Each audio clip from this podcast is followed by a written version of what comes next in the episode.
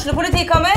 Ine Jansen er purk. Er du purk? The motherfucking bitch. Alt jeg vil, er å finne ut hva som skjedde med mannen min. Jon Carew. Er jeg sikta for noe? Iben Akeli. Det er du. Ole So, Lars Berrum og Big Daddy Karsten. Hvem sin side er du på, egentlig? Anette Hoff, Tone Danielsen, Kommer du fra Afrika?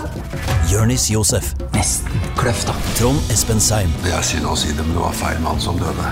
Purk. Se nå på TV2 Play.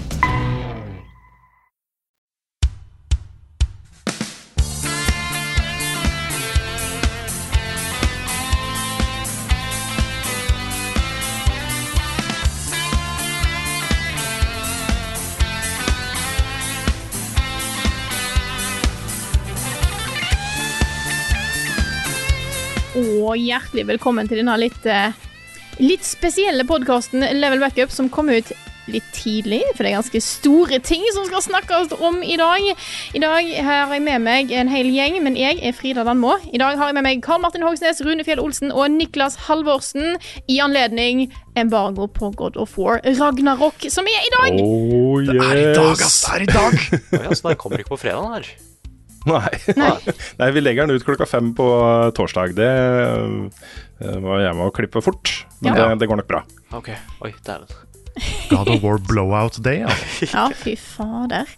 Ja, det er jo litt sånn derre um, litt, litt bittert for folk, tror jeg, å sitte nå liksom Nå er sperrefristen på anmeldelser klokka fem, og det kommer til å komme masse anmeldelser rundt omkring i hele verden. Uh, spillet har blitt lekka. Det er så mye lekkasjer om det spillet på nett nå.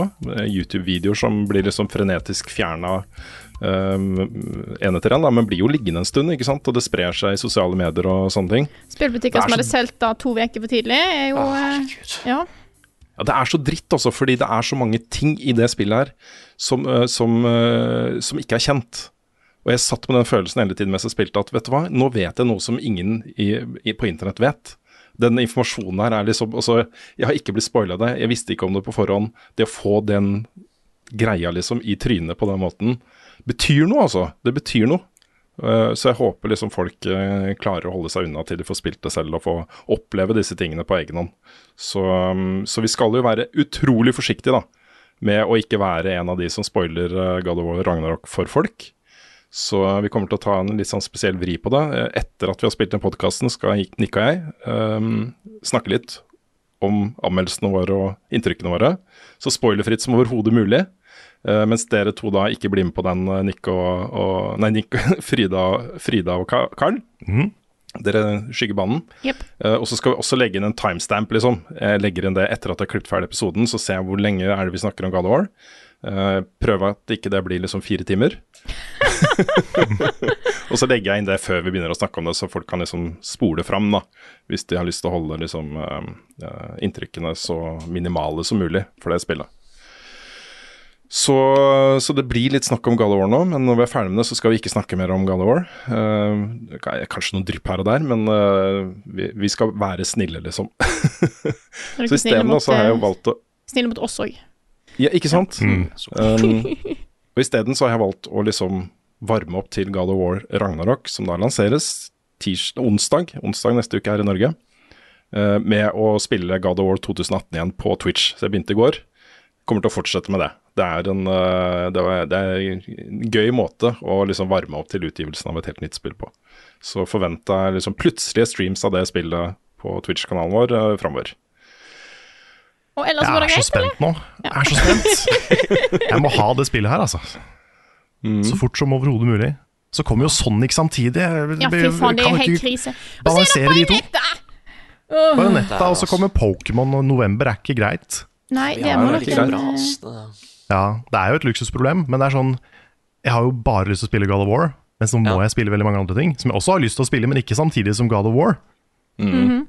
Så det, jeg må finne ut av åssen jeg skal manage my time, altså. Ja, da kan du ta liksom åtte til fire, alle de andre spillene. Mm. Fire til liksom fire på natta, God of War. Ja. Det er mitt, mitt forslag. Mm. For da får jeg fire timer søvn. Ja, det er du trenger ikke mer. Nei, Nei, nei, det er fint. det. Fint, det. Det Spis mens du spiller. Mm. Ja, Du må få deg sånn mat som du kun kan spise med sugerør, for da kan du liksom eh, spise mat med sugerør mens du spiller samtidig. sant? Dette er, jeg, jeg kan ta liksom en bit mellom komboer. ja. I cutscenes. Kun spise i cutscenes, som er Ja. som gal. Nei, jeg kaster, jeg kaster øksa, og så tar jeg en bit, og så kaller jeg den tilbake. Ja. Vi har jo masse andre ting å snakke om i podkasten også, så ikke vær redd for at det blir bare liksom God of War og ikke noe mer. Så ehm, så eh, stick around, guys. Ja. Det kan hende at det er innhold for deg i den podkasten, selv om det blir mye eh, snakk om God of War nå straks, da. Jeg har lyst til å si én ting, um, sånn som en tease til, uh, til folk. Det kan vel hende at både Nick og jeg ga dette spillet her toppscore. Det kan hende. Det kan hende. Fy fader, ass. Jeg får jo ikke noe mindre lyst til å spille det nå. Nei, det er dårlig gjort, Rune. Så hvis du ikke er interessert i å høre noe mer enn det om God of War Ragnarok, så kan du nå spole uh, fram til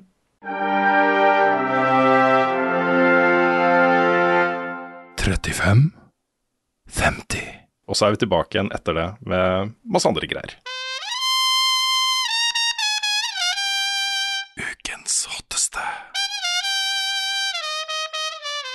Da var det oss, Danik. Ja, herregud, nå er alle borte, vet du. Ja, der borte. Du og jeg bare, liksom. Ja, jeg er aleine i leiligheten nå, så nå kan I can really let go. Uten å spoile, så klart. Ja. Ja, for nå skal vi snakke om God of War Ragnarok, som vi har eh, spilt gjennom begge to. Eh, jeg må bare få understreket også, vi skal prøve så godt vi kan uh, å holde oss unna spoiler, og jeg tror vi får til det også. Det er en del ting i det spillet her som det er lett å vite at dette bør man ikke spoile. ja, det er det òg. Så eh, vil jeg også nevne at eh, din anmeldelse er jo da ute på eh, YouTube-kanalen vår, Level Up Nord på YouTube. Mens min anmeldelse er ute på NRK Nord slash anmeldelser. Og vi gir det da begge to toppscore. Terningkast seks på meg og ti av ti fra deg. Ja. Og hvordan vil du liksom begrunne den tieren, Nick? Jeg må bare først si at endelig så er vi enige. Eh, ja, peace is possible, liksom. Uh, eh, det er det. Det er det. Det er inspirasjon for resten av verden, vet du. ah, det, nei, fordi jeg var eh, Jeg hadde jo på en måte tenkt at Jeg hadde på en måte en tanke at dette skulle bli bra, liksom. Mest fordi at det Best på grunn av trailere og bare åssen stemningen var i de første timene. Nei, og eh, jeg sammenligna det liksom en del med God of War 2, da, med at eh, dette her er en veldig Det både ser og høres og føles likt ut som det forrige God of War. Det er bare mer av det du hadde lyst på, liksom. Mm. Uh, og hvis jeg liksom fikk det, og en eh, unik og kul historie, liksom, så, så, så hadde jeg liksom sett på det som en, en veldig bra oppfølger.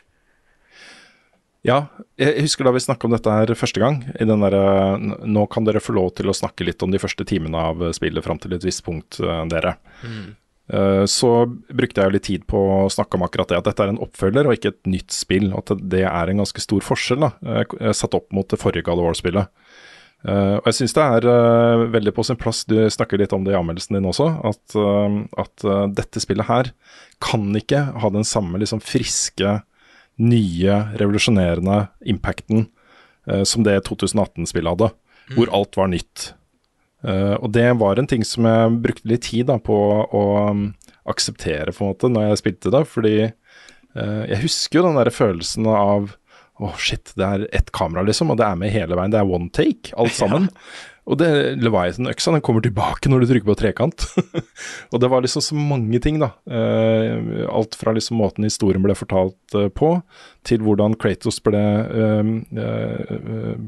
ble portrettert, eh, til dialogen han hadde med Treyas, til uh, gudene fra norrøn mytologi de møtte, Uh, måten de brukte da den mytologien til å lage sin egen historie. Det var så mye nytt, da, Ja, i setting og alt mulig rart. Og det, det, det kan man bare få til hvis det er helt nytt. Nei, så da, da følte jeg at det viktigste var at det fortsatt føltes ut som God of War. Mm, Det er jo en annen person som nå er regissøren der òg. Stemmer det? Ja, og, og så var det også bare den delen med at eh, de sa at dette er den siste delen Dette er den siste liksom historiedelen av den norrøne sagaen. Mm. Så jeg var litt uh, Det er derfor jeg ble så glad i de første timene. For det føltes bare som en veldig fin overgang da, fra spill nummer én til to. Mm. Uh, nei, og så var det egentlig bare Jeg ble litt stressa, fordi jeg trodde ikke det skulle være like åpent som det første. Mm. Men det ble det etter hvert. Det tar bare litt lengre tid i Ragnarok. Ja, for det er noen forskjeller her uh, som, eh, som jeg føler er sånn vesentlig når det gjelder spillopplevelsen. Uh, og i det første spillet så var det sånn at du fikk en veldig lineær introduksjon til spillet. Du starta hjemmet til Kratos og Atreus, og så dro du liksom gjennom skauen og over fjellet uh, til Freya, og så havna du da i denne huben med innsjøen, med da portaler inn til de forskjellige realmsa og sånne ting. Og den huben, det var der det åpna seg opp først. Hvor du kunne dra litt rundt og, og møte fiender du var, ikke var levela for, enn å, å utforske og gjøre ting, liksom, i, i din egen rekkefølge. Den, den delen er jo fjerna litt her. Her blir du mer leda inn i liksom forskjellige realms hvor du er på level med det som skjer. Det er meningen at du skal være her, og der inne får du muligheten til å utforske eh, friere, da. Ja. Eh, Det er på en måte ikke én hub som er utgangspunktet for eh, den utforskinga. Du møter den jevnlig gjennom hele opplevelsen. Syns du det funka? Ja, fordi det var derfor jeg ble stressa òg. Fordi det første spillet hadde en så veldig klar vei på hvor historien skulle hen, fordi du skulle bare nærmere og nærmere det fjellet, ikke sant? Så da ble jeg litt usikker på bare ok, greit, nå følger vi noen visse og, historieting og sånn her, men åssen skal det gi meg en grunn til å reise til de andre realmsa i Ragnarok? Eh, og igjen, så, så fort det endelig begynte å bli litt åpent, og til og med karakterene sier at ja, nå har vi, nå har vi litt tid, kanskje vi bare skal utforske disse realmsa litt, da ble jeg da, da gikk jeg tilbake igjen til God of War-modusen. Ja, for det er fortsatt massevis av sånne Metroidvania-elementer her, hvor du kommer til ting du vet Ok, her, du, du vet du kan gjøre noe her, men du har ikke det riktige utstyret for å gjøre noe ennå.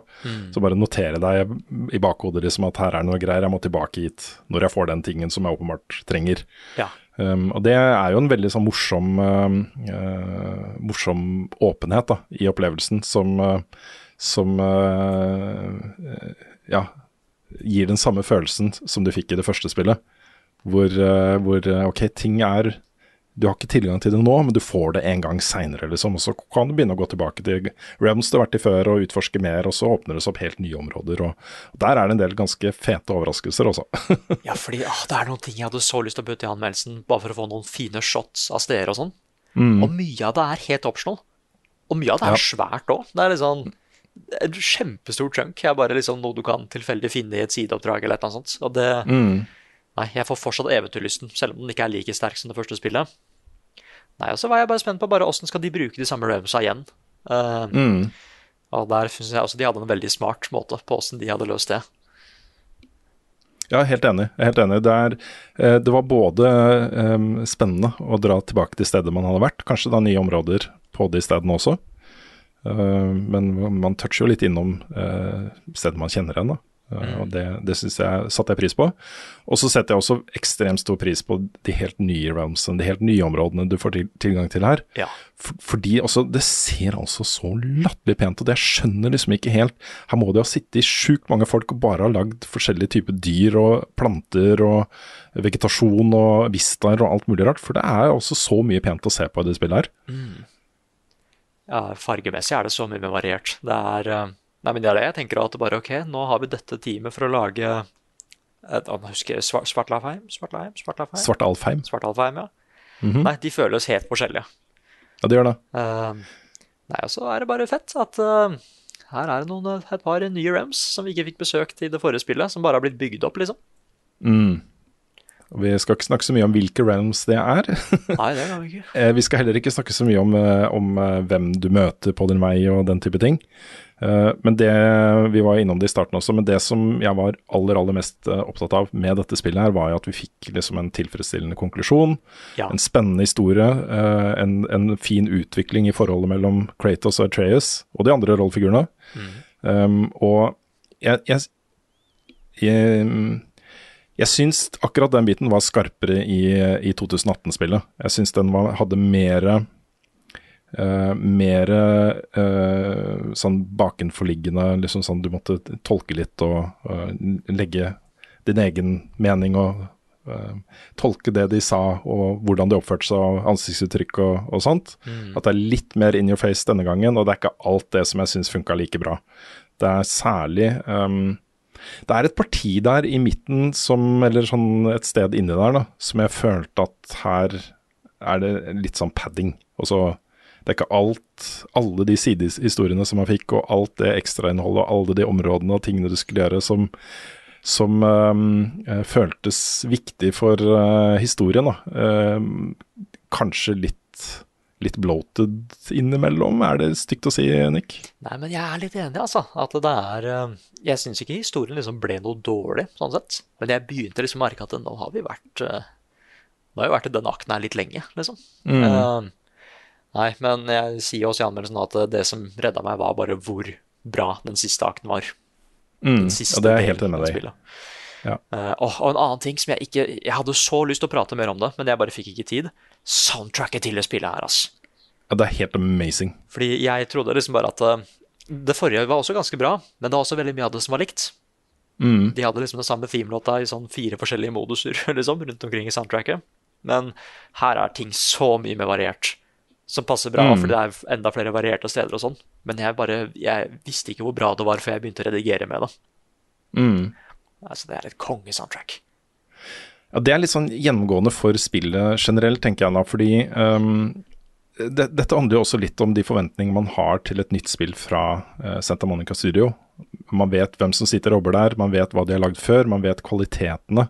Også den uh, spillutvikling som fag, da.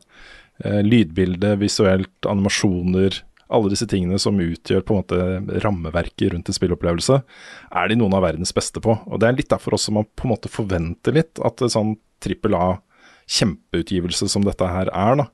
Um, minimum vil være ganske bra. Forhåpentligvis veldig bra, ikke sant.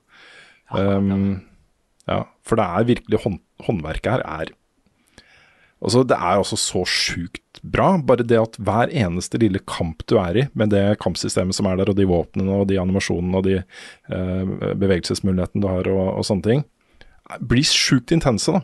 Selv om det er bare sånne red bar-fiender-type ting, liksom. Så sitter man hele tiden liksom sånn utrolig engasjert i det som skjer, da. Det er et øh, Det er først og fremst en sånn teknisk øh, ting som gjør at jeg som spiller har det fett, liksom. Ikke sant?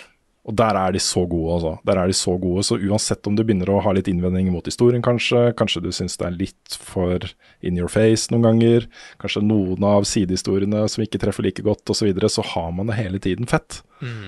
Og det er litt essensielt også. Eh, og når de da klarer å lande historien på den måten de gjør, så, så blir på en måte de innvendingene man har, eh, mindre viktig, da. Men jeg må si at jeg, jeg satt liksom, i hvert fall store deler av opplevelsen sånn eh, i lange strekk og tenkte kan jeg, Bør jeg trekke litt? Bør det være en ni av ti, liksom, eller terningkast fem, istedenfor en, eh, en toppscore, liksom?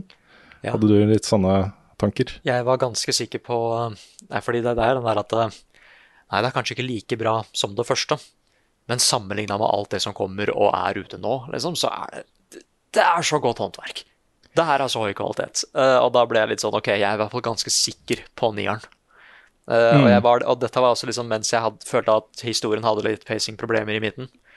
Men uh, den Nei, det var den slutten. Det var den siste akten, de siste timene av det spillet som gjorde at jeg ble sikker på toppscoren. Mm. Jeg, den, den fiksa en del problemer jeg hadde med historien, pluss at jeg innså bare hvor lite, liksom, hvor lite problemer jeg egentlig hadde med det. Av de tingene som skjedde etter hvert.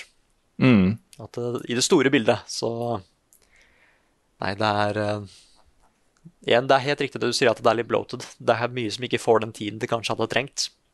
Og det er mye, det er mye der som kanskje får litt for mye tid, så fokuset der burde kanskje vært litt annerledes. Mm. Men uh, ja, den siste akten var nok for meg at jeg følte at det fortsatt kunne justify å gi det toppscore. Selv om jeg syns det første er bedre. Jeg syns det er en mye mer sånn kompakt og tight greie enn det spillet her. Men igjen, mye av det er også fordi det er første gang du er i den mytologien. Mm. Sånn som en oppfølger syns jeg det er helt briljant. Ja, altså det var den der tanken, eh, tanken der om hva, okay, hva annet fins i den, det sjiktet her, liksom. Den type spill. Og, og her, er vi, her er vi på øverste hylle, liksom. Det, det, sånn, som actioneventyr så, så kan man på en måte ikke kreve mer enn dette her. Nei, er. Da, da er det mer sånn at du kanskje kan sette det opp mot God of War 2018 og si at ja, det var bedre, kanskje gå litt ned på score. Så jeg, jeg forventer nok, jeg har ikke sett noen andre scores, jeg vet ikke hvordan resten av verden har, uh, har anmeldt dette spillet. Og jeg visste heller ikke hva du hadde gitt det før etter at jeg var ferdig med min anmeldelse, så jeg var veldig spent på hvor du havna. Jeg savna på din òg, liksom. Ja. Nei, jeg hadde en anelse at det kanskje ble en høy score, men det er, ja, det er det du sier. Jeg er veldig spent på om dette her faktisk er nok til å trekke ned mange poeng for de andre anmelderne. Mm. Selv om jeg tror at dette kommer til å få en ganske høy score. Men uh, Mm. ja, toppscore, liksom. Ja, det er litt vanskelig å si. Jeg er, litt, eh, jeg er litt spent på hvordan diskusjonen rundt dette spillet kommer til å utvikle seg de neste ukene og månedene også, fordi um, uh, en ting som gjerne dukker opp etter at folk var liksom fordøyde litt og sånne ting, det er jo hvordan denne type spill da, behandler um, hva skal man si, litt mer sånn sosialrealistiske temaer. eh, som handler om, eh, om da, dette far-sønn-forholdet, farsrollen.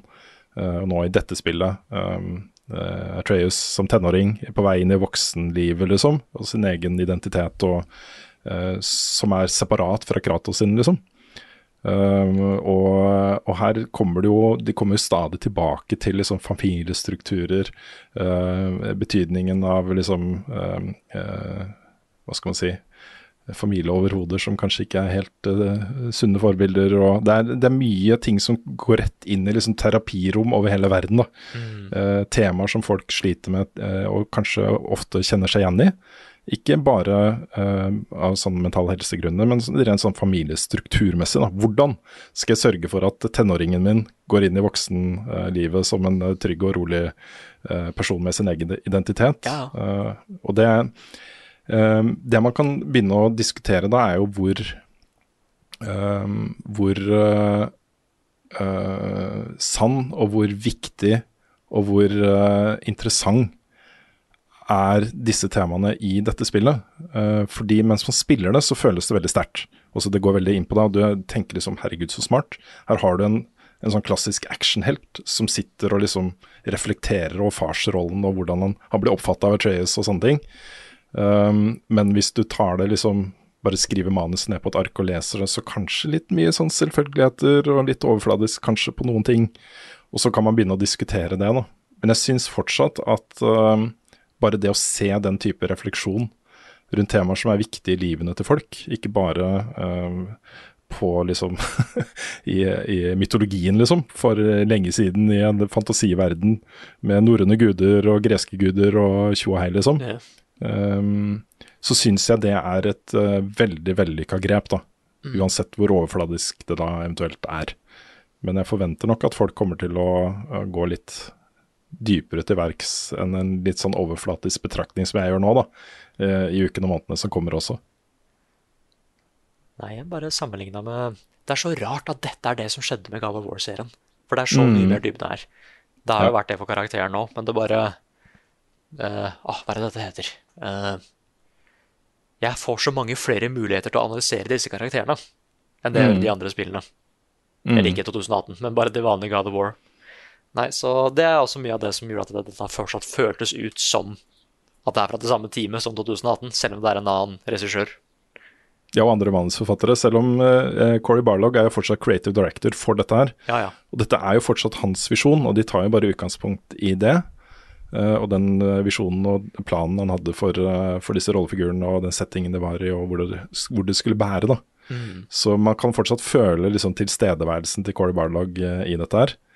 Um, men uh, men uh, kanskje ikke alltid like skarp, da. Jeg, jeg føler liksom at med God of War 2018 så er så utrolig mye av det du møter i det spillet, oppleves som resultatet av ganske harde kamper da, fra en person med en visjon.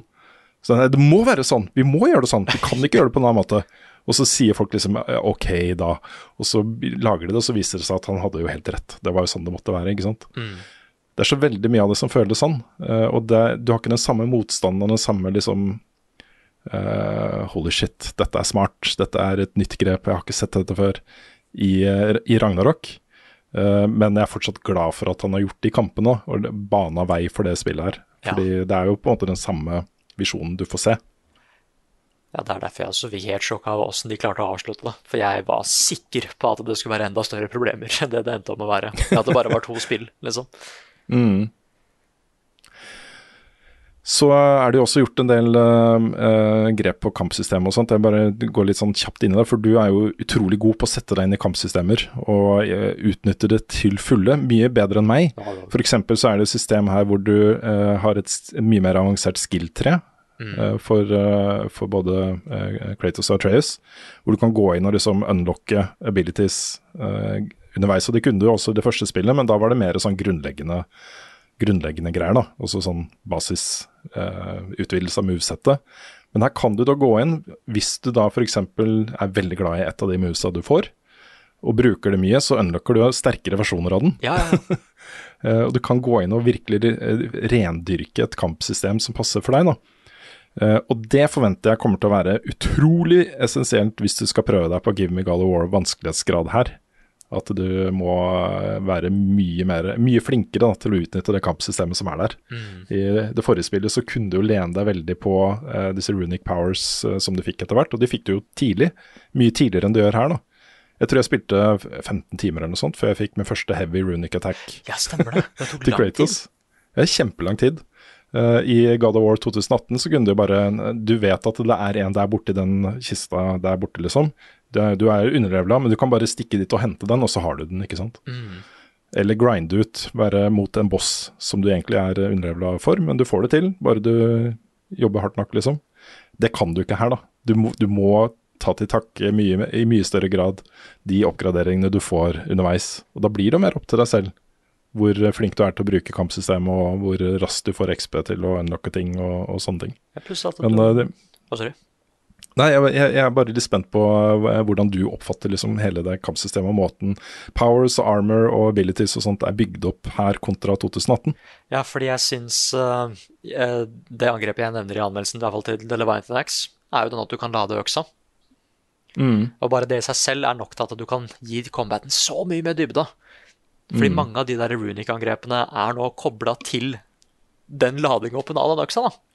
Så du har både nye liksom, runic abilities du finner til light og heavy, men også de du kan putte inn i en helt vanlig kombo nå.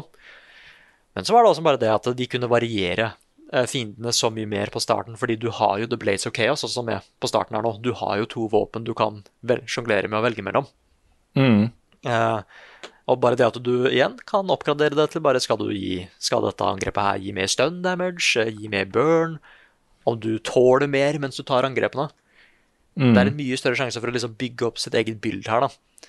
Uh, og så likte jeg også det veldig godt med rustninger og sånn, med at hvis du finner en du virkelig liker, så kan du bare oppgradere den hele veien til den høyeste rarityen. Ja, det er vel noen av de i starten som eh, bare går til fem, level 5 eller 6 eller noe sånt, er det ikke det? Nei, for jeg tror ikke det er det. Ja, ok. Jeg tror du til og med kan få de, de helt på toppen.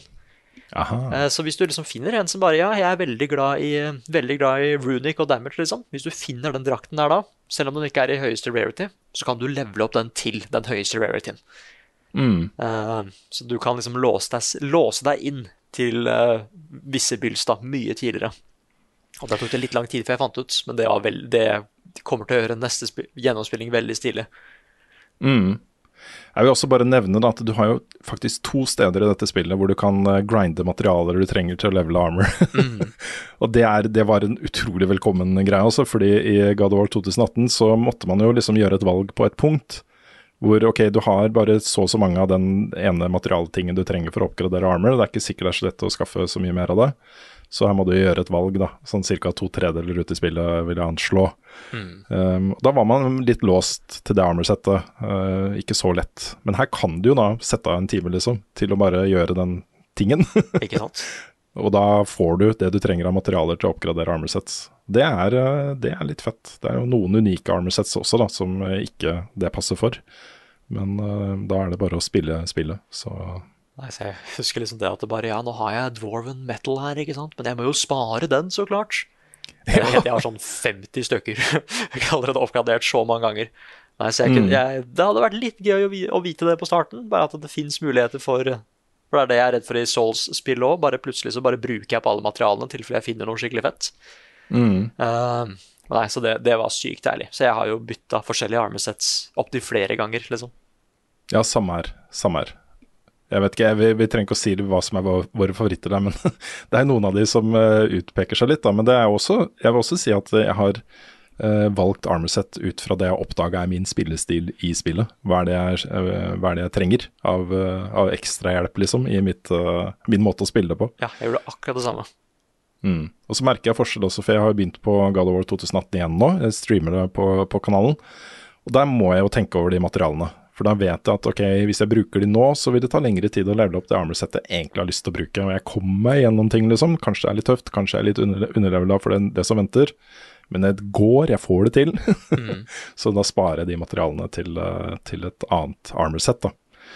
Eh, så, og Der er det litt det samme, da. Når du får nye lokasjoner og åpner opp nye eh, lokasjoner for eh, Rock og Sindri og sånne ting, så får du jo tilgang til nye armorsets. Ja, det stemmer. jevnlig.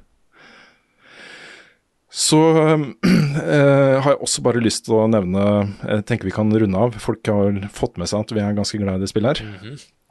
Uh, det gjenstår egentlig bare liksom å, å spille det selv. Uh, få oppleve selv hvor fett det er. Eller hvor det ikke fett det er. Det er litt avhengig av hva du Ikke fett, syns. er tenk å si det. ja, tenker å si det.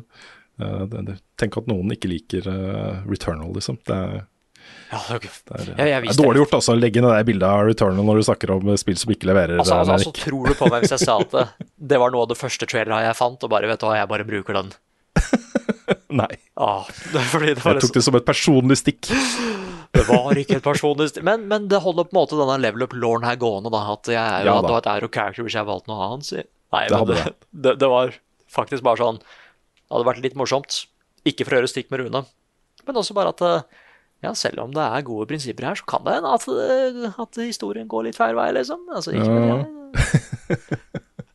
Nei, men det jeg hadde lyst til å si til slutt, da, det er at, um, at um, eh, en ting de har beholdt i dette spillet her, og som jeg fortsatt setter utrolig stor pris på, det er jo disse rolige øyeblikkene hvor du padler i en kano eller, eh, eller um, bare stopper opp Ja, ja. på et sted og snakker sammen, liksom. Du får utrolig mye sånn kontekst fra Mimir, f.eks. Som jo gjenforteller litt uh, som bakgrunnslaw for uh, norrøn mytologi, og hvem disse rollefigurene er, og hva de har gjort, og, osv., osv. Du får masse historier fra gamle Hellas, fra Kratos. Han snakker om liksom barndommen sin og, og ting han har opplevd. Det likte jeg. ja, samme her. Eh, og så får du da liksom den, eh, den eh, Hva skal man si? De, de behandler Atreus mer som en, en like, likemann. da. En som tåler å høre disse tingene, og som setter pris på å få den type informasjon og den type samtaler med Mimir og Kratos. Uh, og de øyeblikkene er fortsatt innmari gode, altså. Jeg, jeg tenker så ofte på liksom, hvor mye de har å si for, for å sy liksom, opplevelsen sammen. At du får den der refleksjonen i kanoen, ikke sant. Og det er stille og rolig. Det er ikke noe særlig musikk, det er bare lydbilde og et eh, herlig flora fauna rundt deg og sånne ting. Eh, og så diskuterer man seg gjennom liksom, hva man har opplevd, hva man skal oppleve uh, osv. Det, er- det er fortsatt vellykka, altså. Ja, og jeg er så glad i karakterene at liksom, uansett hva de prater om, så har jeg lyst til å høre hva det er, da. Mm. Plutselig så bare prater de om sokker. Bokstavelig talt. Det er en samtale Ja, som handler om sokker. talt, Men jeg bare Ja, Ja, ja, ja. ok, men ja, hva, hva syns Kratos om det her? Eh, nei, da, ja, da, du hadde merka det så mye, vet Hvis det bare ikke var noe prating på den reisinga. Mm. De bare prata når de absolutt måtte, liksom. Ja, det hender ofte at det er Ok, du er framme. Du har, du har padla dit du skal, liksom. Der er dokken. Du skal, du skal dit. Men uh, Mimir er jo ikke ferdig. Nei, nei, ikke Han er jo med, med historien sin, liksom. Så la jeg bare få fullføre, da, før jeg dokker, ikke sant. Mm. Ja, men akkurat det samme her òg. Mm. I hvert fall han må jo prate ferdig. Han har jo flest ting å si, liksom. Mm. Men jeg tenker at vi lar det Er, er det noe mer på hjertet om du, som du har lyst til å si nå, liksom? Nei, jeg tror ikke det. Måtte, den største var egentlig bare den soundtrack-greia på hvor bra soundtracket var. Det Mm. fant jeg ut for seint, liksom. Ja, det er fortsatt Bear McCreary, som eh, jo også har lagd musikken til eh, Maktens ringer, som går nå. Ja, stemmer. Mm. Han har blitt en eh, ordentlig stjerne, også, innen uh, eh, soundtracks. Nei, igjen, jeg, jeg syns soundtracket forrige gang var bra, men nå var det bra, ass! Nå var det så Mm. variert òg. Nei, så det, Ja, det er eh, kjempebra. nei, så det er også en av grunnene til at jeg kan justify den tieren. Eh, Det soundtracket var helt konge. Ellers så føler, I agree. Ellers så føler jeg vi er helt uh, gjennom det meste. Så kan anmeldelsene prate litt for seg sjæl og sånn.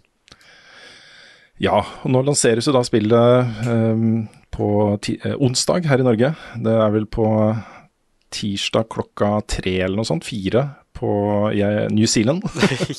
Og en time etterpå i Australia, eller hvordan det var. Um, så det vil jo være mulig å kjøre livestreams og sånne ting fra starten av spillet, da, um, når det er tilgjengelig i New Zealand. Det er mulig at jeg gjør det, altså. At jeg tar en, uh, en sånn første par timene av spillet, stream, den tirsdagen. Ja. Um, vi har også planer om en spoilercast, en full spoilercast, hvor vi skal snakke oss gjennom da, de store st- historievendingene og uh, skjebnen til de forskjellige rollefigurene, og uh, hvor, det, hvor historien bærer og den type ting. Der tror jeg Enten så gjør vi en, en vår egen greie, liksom, du og jeg, eller så venter vi på Carl. Ja. Så det kommer da også seinere. Men det er, jeg syns jo det er hyggelig da å kunne si at det første vi hadde lyst til å gjøre etter at vi var igjennom, det var å lage en spoilercast og snakke om det, liksom. Ja, ja, La oss ja. snakke om dette her. Diskutere de forskjellige rollefigurene og hva de sier og hvordan de oppfører seg, og hvordan det påvirker historien og alle disse tingene her. Det er mye å snakke om, altså. Og det blir jeg glad for å kunne si. Nei, det, det, det har nesten vært Jeg kunne hatt en field day på wiki-sida, bare med å få ting av hva som skjedde i det spillet og sånn. Og så er det så vanskelig fordi broren min er i nærheten her òg, så bare ja, jeg kan dele det med han òg. Men jeg kan ikke det, vet du. Han har lyst til å vente. Nei. Og det, nei, det, det er greit å bare faktisk få tømt seg helt på den historien. Mm. Jeg har bare lyst til å komme med en sånn liten tease også, som, eh, som, eh, som jeg syns var litt morsom. For vi tok en liten session i, i går kveld hvor, eh, hvor jeg stilte deg et spørsmål om har du, har du vært der, Ja. og så etter rulletekst. Og det hadde du ikke, da. Det var så kult å få lov til å være med på det øyeblikket, Nick. Ja, det, det var stilig. Det, Ja. Det er grunnen til at jeg sier det, er at uh, det, det er akkurat som det forrige spillet, så uh, skal alt kunne gjøres her i én playthrough. Det er ikke noe sånn New Game Plus for å få med deg alt og sånne ting. Uh, og det skjer ting etter rulletekst som det er verdt å få med seg. Mhm. Da tenker jeg vi uh, lukker igjen den uh, sekken der, Nick. Ja, og, good talk. Går, ja, good talk. Og så går vi videre til andre spill vi har spilt i uka som har gått. yeah.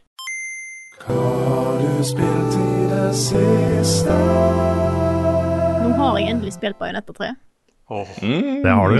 Jeg har det. Ja, Det er ute, ja. det fins, det er tilgjengelig. Eh, dessverre så krasja det med både eh, besøk i hele helga, og så måtte jeg reise vekk i to dager denne uka her. Men jeg har Åh, spilt det. ass. Liv, ass. Jeg er håpløs, og så krasjer alltid på releases. Men jeg har begynt på Bajonetta 3, eh, og så langt så liker jeg det veldig godt. Det er det er det jeg eh, Det er litt det du forventer av et Bajonetta-spill, må jeg innrømme. Det er jo galskap.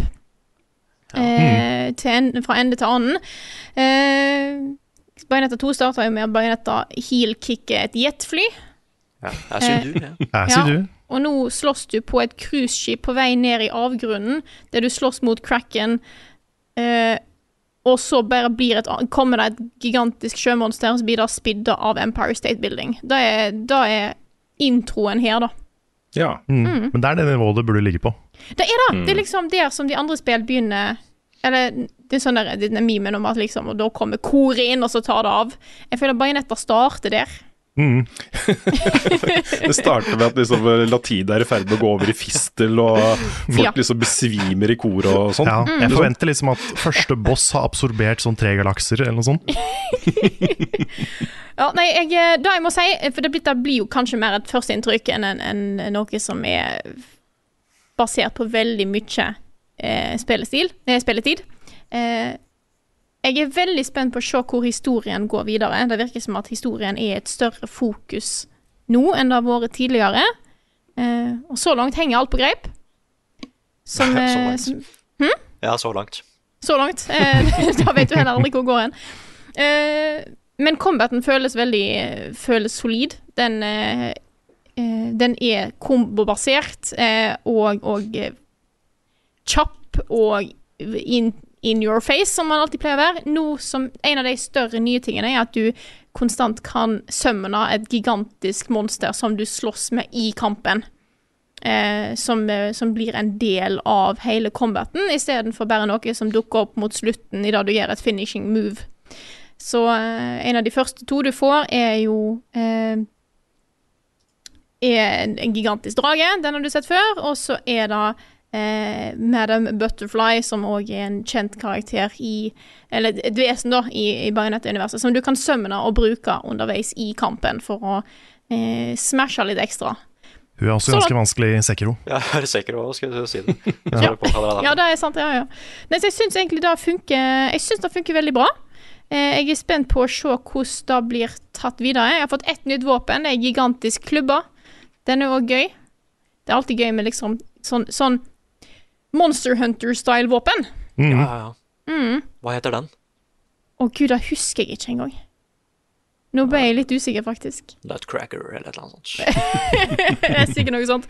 Nei, så jeg eh, Det, det er jeg liker også veldig godt stilen på Bajonetta. Det er jo helt klart en, eh, en et, eh, trekk tilbake igjen mot hvordan Ceresa eh, så ut i Bajonetta 1. Eh, den lille jenta med flette. Bajonetta har jo den samme stilen nå. Eh, og så vet jeg ikke helt hvor mye jeg har lyst til å spoile om eh, historien. Eh, ikke at det er så mye å spoile, men det er liksom bare sånn at folk går eh, Kan oppleve det på egen hånd. Eh, men det er ganske dramatisk, den første scenen. Da eh, virkelig lurer en på hva i alle dager er det som, som foregår her, da. En liten twist. Kan jeg bare få komme med litt sånn dig liten digresjon? Eh, bare sånn for å øke liksom, den kulturelle kapitalen i podkasten. Ja. Madam Butterfly er også en veldig kjent opera av Puccini, ikke sant? Å ja. Ja. Altså, de er tatt det fra Sekiro. Ja, så det var, Ja, det, det var enten eller, liksom. Mm. Men hva var det jeg skulle si nå, da? Jeg hadde en ting. Fader, det var det vekk. Å, jo! Eh, første spillet så slåss du mot, eh, mot eh, hovedsakelig engler fra, fra på en måte The Light. I andre spillet så var det hovedsakelig eh, demoner i helvete. Eh, Bayonetta-universet er jo basert på at det fins tre factions her. Du har eh, The Light, som er englene. Dark, som er annet Umbra Witches. Og så har du Chaos, som er egentlig men... Altså på en måte human world. Eh, og det som er nå, da, er at det er chaos-elementet som er mer tydelig, eh, naturlig, i denne eh, oppfølgeren her. Der du slåss mot eh, eh, Det er vel homunculus, tror jeg. Det er noe man-made eh, bioweapons. Som er så ganske kule. Virker, det virker som at de har navn etter bl.a. skyformasjoner. Eh, Ja. Mhm. Så jeg har eh, sånn kol kol kolonimbus og sånt. Ja, husker ikke hva de er. my favorites. favorite. ja, men det var sånn en het iridescent. Iridescent clouds er jo en ting. Sant? Så jeg tror, jeg tror det er der. Jeg tror jeg har klart å skjønne temaet. Eh, Mm. Jeg har jo holdt meg ganske unna en del av trailerne. Jeg har ikke gått så dypt inn i det. Det er mest fordi at jeg syns at av og til så Jeg vil bare oppleve det det er, så det kan jo være at jeg bare holder tilbake en litt mer enn det som folk har allerede fått vite, men jeg vil bare være på den helt safe sida, da. Hihi. Alltid så vanskelig å vite sånt. Men eh, så langt har jeg kun spilt som Bajonetta. Jeg vet det går an etter hvert at en får spilt som andre karakterer. Veldig spent på hvordan det føles. Så så langt veldig positiv. Eh, gira på å se hva mer som skjer. Men jeg kan si at det er i hvert fall, det, det er i hvert fall én scene i starten der Bajonetta får, får plutselig klippet av seg alle klærne, sånn som hun pleier å gjøre. Å nei. Å nei. Mens det er litt sånn der eh, rar musikk i bakgrunnen og sånt. Ja, men det skjer med meg også minst tre ganger i uka, så jeg skjønner det godt. Så eh, forvent en eh, anmeldelse der etter hvert. Jeg håper jeg får eh, fullført det i løpet av et eh, ja, par uker kanskje, og så blir det anmeldelsetid etter det. Så får vi, får vi se hva det blir. Kult. -hmm, mm -hmm. Jeg har så lyst til å spille de spillene her, altså, men jeg kommer ikke til å rekke å spille tre Bajonetta-spill. Nei, da Jeg tror egentlig jeg, jeg, altså, Det er vanskelig for meg å si, for jeg har ikke sett så mye av historien om hvordan ting henger sammen, og på en måte hva som blir trukket fram, og hva som har vært i de tidligere spillene. Ja. Men nå er jo spillene relativt greit tilgjengelig. Altså Bajonetta 1 får du tak i på Steam. Ja, Um, Og PlayStation. ja, og PlayStation. Eh, og det går vel an å finne det på Switch òg, tror jeg. Jeg tror alle spillene er på Switch. Ja, jeg òg tror det. Men det er hvert fall jeg vet at det, det første òg er remastera litt i, på, på PC. Så der får du en HD-versjon. Eh, nummer to er i hvert fall på Den er i hvert fall på EU. Kan være den er på Switch òg. Dette burde jeg jo ha sjekka. Dette burde jeg ha sjekka! Gud, det er dårlig googling av meg her. Jeg beklager. Jeg mener det er på Switch. Ja, Jeg føler meg ganske det. sikker på at det er på Switch. Det er på Switch. Ja. Eh, så det, alle er tilgjengelige, men det er jo et eh, Det tar jo noen timer, så jeg skjønner at du ikke føler du har tid til det. Så jeg eh, Mm. håper å komme tilbake igjen senere eh, om eh, info om dette er et spill du kan hoppe rett inn i eller ei. Kanskje jeg skal finne Bajonetta 1 og 2 The Movie på YouTube, Og, så, og så spille treeren. Ja, for det, det, jeg har jo begynt å eh, ta igjen eh, historien via movies på YouTube, mm. eh, som er interessante, interessante greier. Det har òg gjort at jeg har eh, gått rundt med hovedtemalåta til Bajonetta 2 på hjernen i sånn ei uke, og jeg holder nesten på å bli sprø. Men en viktig ting, veldig, veldig viktig ting. Eh, de har fortsatt med at kamplåta er eh, jazzklassikere. Første var jo Fly Me To The Moon, eh, andre var Moon River, og nå er det Moonlight Sonata, som er Å, den er så fin. Er det ikke det han heter? Jo. Moonlight Serenade heter han. Beklager. Oh, ja, Moonlight ok, ja, det- Serenade eh, av Glenn Miller eh, Orchestra. Eh, veldig Ja, vakker. jeg, jeg tenker på Moonlight Sonata. Ja, for det var det jeg tenkte. Det var, For det er ikke jazz. Nei, det er ikke jazz. Eh, for det, det var liksom, det begynte på S. Beklager at jeg sa feil der. Eh, men jeg, jeg fikk, følte jeg fikk retta meg før noen rakk å skrive en kommentar på det. Moonlight eh, Serenade, selvfølgelig. Hva var den andre du sa på toeren? Moon River? var det Moon du sa? River, ja. Ja. Er det den uh, Chevy Chase uh, synger i, i, eh, i den Fletch-filmen? Når han er uh, på, på undersøkelse hos legen? Da vet jeg ikke. Moon River Er det den? Ja, da er den, ja. Ok. En referanse for folk opp- litt oppi åra, da. Men det er jo veldig morsomme filmer. Yes, jeg tror Jeg tror det er det jeg har å si om Bayonetta 3 så langt. Jeg forventer mer neste uke. Eh, så da gir jeg ordet videre til eh, Carl, eh, som nettopp har jeg vil si, den ferskeste anmeldelsen på kanalen vår. Mm. Ja. Kan, kan, jeg, kan jeg få lov til å avbryte den litt først, for jeg har bare lyst til å dvele litt ved et punkt her. Okay. Det er så morsomt at du anbefaler Carl å se en, en sånn eh, sammendragsvideo på YouTube eh, når du sitter da i en panel hvor du har en som har lyst til å spille Xenoblade Chronicles 3, men da spiller 1 og 2 først. Ja, det er sant, men det er fordi jeg gikk jo rett på treeren.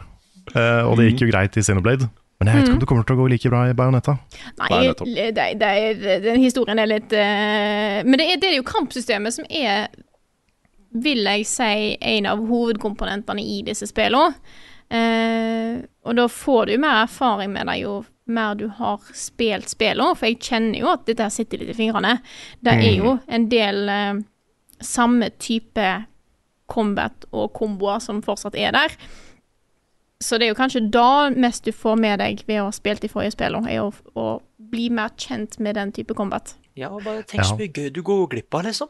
Ja, kanskje, jeg bare, kanskje jeg bare må spille alle spillene i jula. Bare ikke mens jeg er hjemme hos eh, foreldre, fordi mamma kan komme inn på rommet. Og det, det, det Hvorfor har hun ikke klær på seg? Ja, da må jeg forklare bajonetta til mamma. Det er jeg ikke klar for.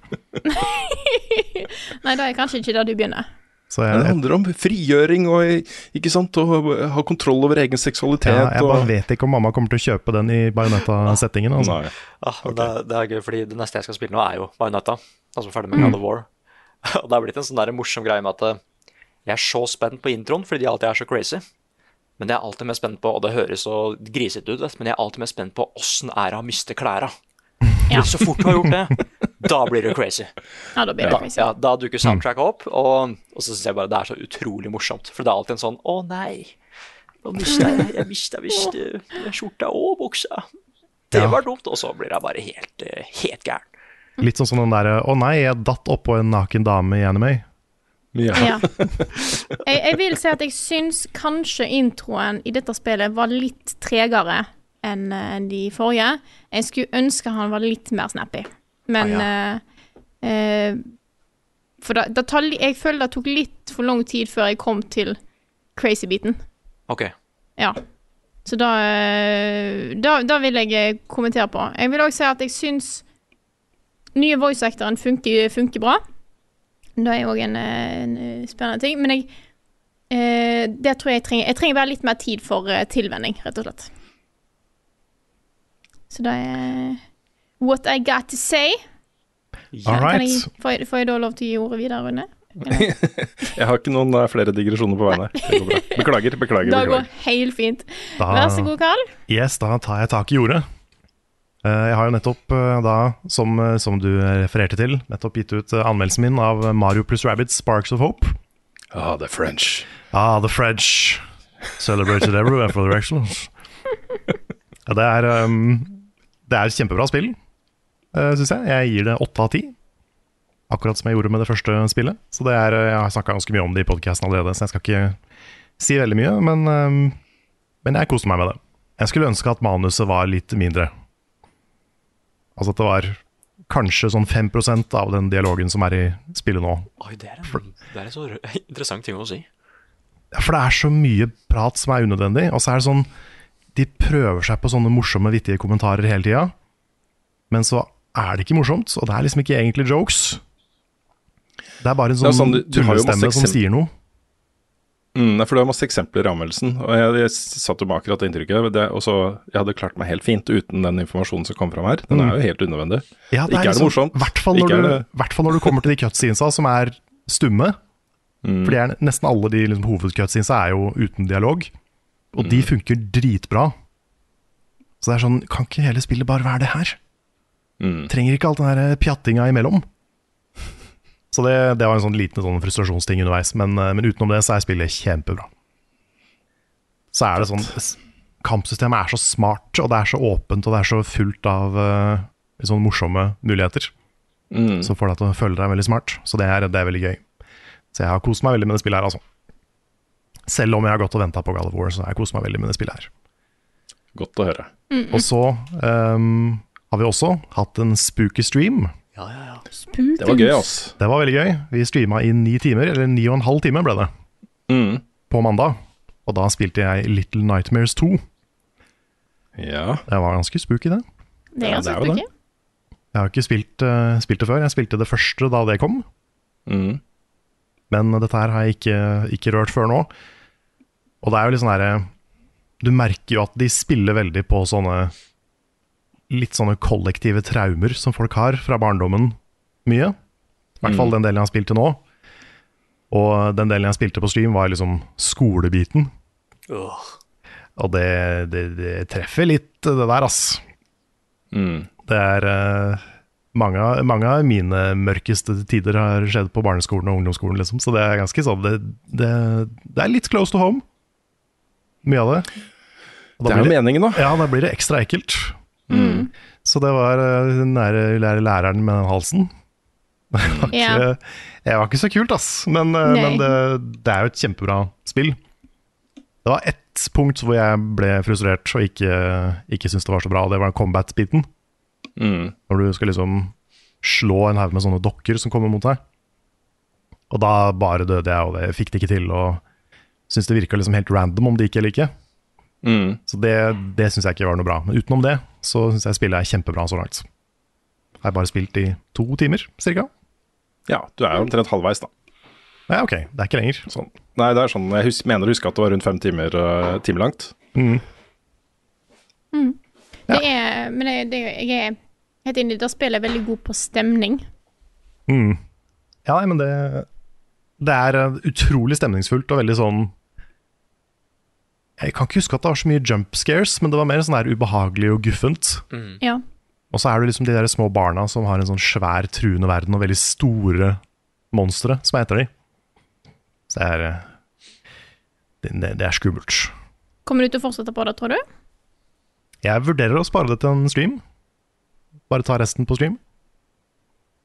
Men da må jeg bare finne et eh, tidspunkt jeg kan, kan gjøre det. Nå er det litt, litt for mange andre spill som kommer akkurat nå, men um, etter hvert. Så, eh, så det. Ellers så kan jeg bare veldig kjapt nevne at jeg har uh, titta innom igjen noen av de der pixel remastersa av Final Fantasy-spill. Gamle Final Fantasy-spill. Ja. Og det er sånn gøy å se noen av de på nytt. For sånn Final Fantasy 6-7 så skjedde det noen ganske store løft i historiefortellinga. Men jeg har nå sett litt på Final Fantasy 5, og det er litt sånn Det har en sånn litt sånn sjarmerende retro-måte å fortelle historien på. Hvor du f.eks. kommer til en landsby som jeg tror heter Karnak, eller noe sånt. Og så har de jo ikke De hadde jo ikke Dette det var jo Super Nintendo-spill. Eh, og de hadde ikke så mye liksom, plass og så mye sånn, eh, tid til å fortelle historien. Så du bare går inn i byen og snakker med en random gammel mann, og så bare sier han liksom bare Are you in league with the werewolf that came out of the meteor?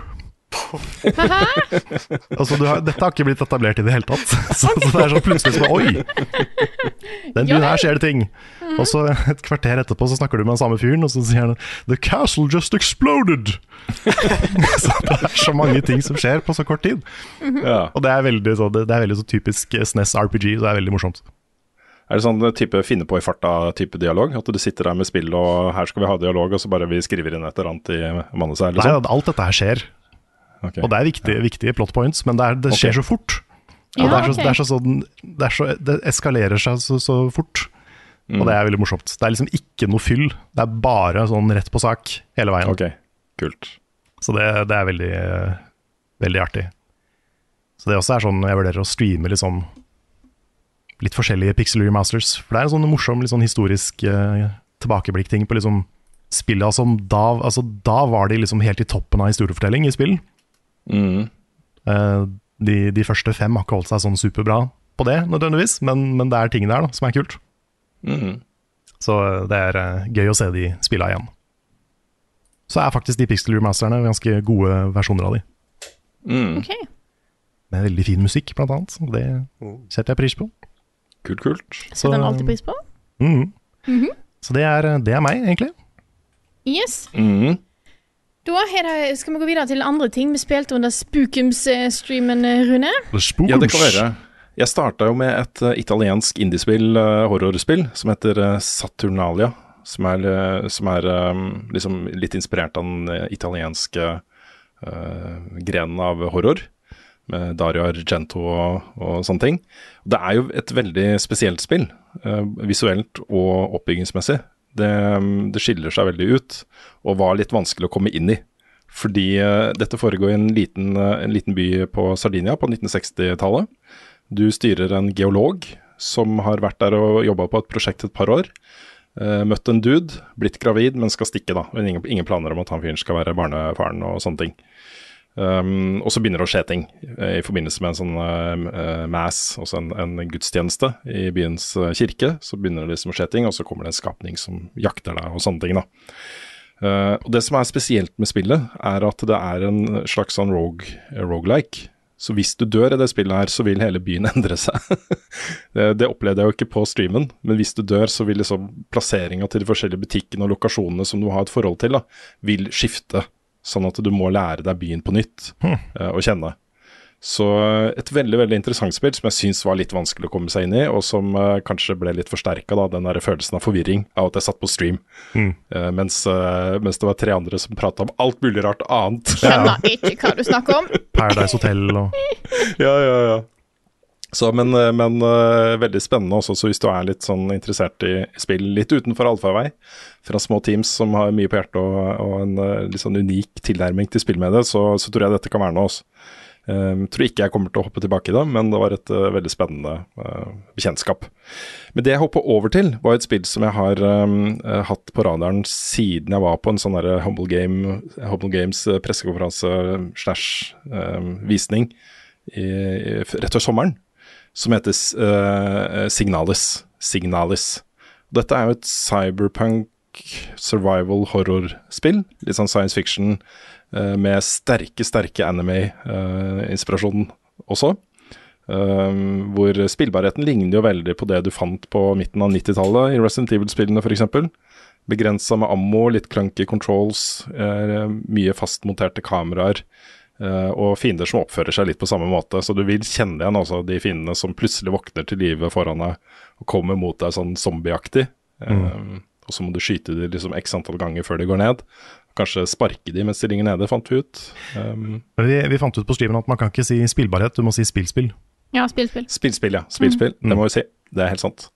Men det var, det var et fett spill, altså. Og dette er jo, eh, her er jo på en måte progresjonen er lagt opp eh, akkurat sånn som det er i Resident Evil-spillene også, de gamle. Hvor du kommer til en dør, den er låst, du trenger en, en, en spesiell type keycard for å komme gjennom den døra, og så går du og utforsker mer, og så finner du den, det nøkkelkortet der, og så kan du gå inn den døra, og så er det da nye låste dører, og så må du finne, ikke sant. Eh, kombinert da med masse story. Og der du er på et, eh, et, en plass og skal finne en person. Uh, graver deg liksom stadig dypere ned under overflaten på den planeten du er på, og sånne ting. Så det, er, det var så mye der altså som, eh, som tiltalte meg. Og dette er et spill jeg håper jeg får tid til å fortsette på, fordi jeg ble skikkelig hooked på historien. Jeg syns det var dritfett. Så jeg har også registrert at det har fått gode anmeldelser, så det er ting som tyder på at det kan være verdt å vende tilbake til det. Så det skal jeg prøve å få satt på, på eh, kalenderen før eh, disse listene skal lages i desember. Uh, og så har jeg da i tillegg, hold deg fast Carl, jeg har begynt på Immortality. Oi! Jeg skjønner ikke en dritt. Nei, jeg skjønner det er- ingenting. Det er meningen. Ja, jeg, jeg skjønner at det er meningen, men jeg blir altså så forvirra av hva man skal gjøre. For du får det er jo ikke noe håndholding i starten her, bortsett fra at du får litt beskjed om hvordan du skal navigere disse klippene. Mm. så, så er ingen sånn kommentarer om hvorfor du skal gjøre det, eller hva du skal se etter, eller hvordan du skal kombinere disse klippene, og eh, hva som er poenget med å rangere de etter uh, viktighet, og lage favorites, og hvorfor skal du det? Og det er så mange sånne ting, og det bare tårna seg opp. Så det var så overveldende. Jeg gjorde dette her i natt klokka midnatt, midnatt liksom, så starta jeg med dette her. Jeg var sånn Dette er ikke det siste jeg kan gjøre før jeg legger meg, altså. Så jeg spilte liksom i kvart til 20 minutter, og så Nei, vi får komme tilbake til det. Nei, men, Har du noen tips, eh, Karl? Ja, eh, bare fortsett. Ikke sant? Bare gi det liksom en time til, Mm. så kommer du til å begynne å plukke opp ting. Det er også en del sånne skjulte ting som, du, som du kanskje ikke så den første gangen. Som du kanskje plukker opp etter hvert. Kan, det er så vanskelig å si noe, Fordi da begynner jeg å spoile. Jo da, men det som jeg i hvert fall eh, som, som jeg ble ikke overraska over, fordi du har jo hinta litt til det, eh, men den der horrorfilen som du sa liksom kommer snikende inn etter hvert, jeg syns den var der fra starten av, ass. Ja, synes du det? Ja, jeg syns det var skikkelig creepy. Det var guffent på en sånn måte som jeg ikke var helt forberedt på. Så, um, så jeg, ja. Ja, for du, for du begynte med det samme klippet som meg, regner jeg med. Det derre talkshow-klippet. Jeg tok det første øverste venstre. Ja. Der hvor du sitter i litt sånn der Last Week Tonight og, og type Ja. ja, stemmer. Ja, nei, for da starta vi samme sted. Mm. Du kan jo gå utrolig mange veier derfra, så du får jo, sikkert, du får jo ting i en helt annen rekkefølge enn jeg gjorde. Ja, helt sikkert. Helt sikkert. Nei, jeg har, eh, jeg har hoppa voldsomt fra film til film og tidsalder til tidsalder og person til person. og eh, Jeg har drevet og zooma inn på ting og eh, gjort koblinger og alt mulig rart. da. Mm. Så, um, så det har vært en ganske vill reise. Ja, Legg også litt merke til lyd. Mm, Det er det minst Det er det, det er det vageste hintet jeg kan gi. ok. Legg litt okay. merke til ting som skjer i lyden. Mm. Det som, eh, det som eh, jeg syns har vært sterkest så langt, er den der greia hvor klippet er over. Og så selve filminga, liksom, opptaket er over, men så begynner det å prate, med regissøren står og prater, og det står folk og prater, og det blir liksom kommentert ting, og ansiktsuttrykkene til skuespillerne endrer seg, og det er liksom out of character. Nå er det plutselig bare vanlige personer. Mm. Det er, det, er der det, er ting, det er der ting begynte å bli litt sånn uh, Her er det et eller annet som foregår. Ja. Type tanker som begynte å melde seg, da. Det er et klipp som jeg fikk ganske tidlig, hvor eh, det sitter en eh, dame i kirken uh, og, og griner. Og så sier de kutt, og så bare Nå tar vi en pause mens hun tar seg sammen. Og det, er sånn, Oi! det var ikke, det var ikke meninga at du skulle grine, liksom. Nei, off. Der også er det noe, noe rart. Nei, men det, det, dette her har jeg bestemt meg for å fullføre før, uh, før vi snakker jul, liksom. Så, så et sted måtte jeg jo starte. Men, men jeg også var litt sånn forvirra og sånn Dette her, det, dette her skjønner jeg ikke poenget med i starten. Mm. Men eh, det, den følelsen går over, da, etter hvert. Ja, nei, men det er godt å høre. Så jeg har ting på liksom, eh, programmet som jeg må spille framover. Det, det blir en hektisk avslutning på året, dette her. Det gjør det. Vi, må, vi pleier å ta noen uker sånn i eh, desember-ish, hvor vi catcher opp litt. Fare for at vi må det i år òg, altså. Jeg må få spilt Ja, det- Cult of the Lamb og en del sånne ting. Ja. Ja, det kommer et par spill i starten av desember som, eh, som jeg nok må få med meg på et eller annet vis. I hvert fall Calista Protocol. Mm. Eh, men også Need for Speed. Jeg har i hvert fall lyst til å se hvordan det er. Fordi det er så opp og ned i Need for Speed-spillene. Noen av de er amazing, mens andre er veldig gjennomsnittlige. Men hvis det plutselig er bra igjen, liksom, så er det verdt å merke seg det, da. Så, eh, så jeg- får bare krysse fingrene for at jeg får, får gjort alt dette her. Um, jeg vil også nevne at eh, jeg vet Tid. nå at jeg er, jeg er én trophy unna platinum i God of Ragnarok. Jeg vet hvilken trophy det er, til og med. Oi, oi, oi! Mm. Men jeg vet ikke hvordan jeg skal få den. Nei. dette, er, dette er virkelig uh, first world uh, review of problems, eh, Rune. Ja, det skal jeg love deg. Ja. Det skal jeg love deg. Det er ganske insane. Mm. Nick, har du eh, eh, Har det gått i God of War i det siste for deg? ja. Ja. Men Jeg tenkte bare jeg skulle sjekke. Men jeg har vært litt Men jeg, jeg, jeg spuka litt, jeg også, i, i streamen. Det gjorde du. Ja, jeg hoppa inn i Alien Isolation. Stemmer, det var som da, ja. Mhm. Det var, eh, det var kjempebra, men det var ikke greit, på en måte. Nei, det var eh, Nei, da er Det var, det, det var litt, litt for skummelt, kanskje. Jeg, var, eh, jeg spilte i to timer, Og jeg tok en pause etterpå, for jeg måtte spise middag eller sånn. Men jeg får sånn der stresshodepine av skrekkspill. Og den satte i gang med en eneste gang. Så bare vet du hva, vi venter bitte litt før jeg kommer tilbake igjen. Å nei, Ja. Men det er på en måte bra tegn, da, at det spillet var skummelt og atmosfæren var riktig. og sånn. Ja da. Ja ja, det er jo det det vil, holdt jeg på å si. Jeg syns Alien Isolation er jo eh, et av mine favoritt-horrorspill. Eh, ikke bare fordi spillet i seg selv er skikkelig skummelt, men det er også fordi uh, her hadde du disse filmene ikke sant, som ble en del av populærkulturen, og uh, utrolig bra filmer. De to, to første Alien-filmene er jo kjempebra. Eh, og så begynte man å lage spill fra det, og de var også bra, flere av de, eh, men kanskje litt mer sånn action-fokusert. da. Nå skal vi skyte aliens, folkens. Um, mens dette spillet her var sånn eh, Du skal på en måte ikke kunne ha muligheten til å drepe disse xenomorphsene.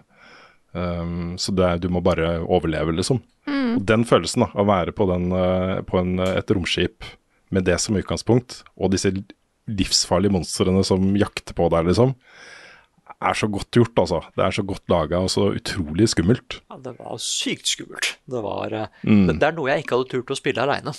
Akkurat som Ja. eh, PT og sånn. Så det var bra å ha med, en, ha med en gjeng. Ja, Ja. Mens eh, favorittøyeblikket mitt var at eh, jeg er sikker på at jeg ser The Alien, liksom. Helt bombesikker. Jeg sier til Bo 'Jeg tror jeg så han', og bare venter i noen sekunder for å sjekke om han er der.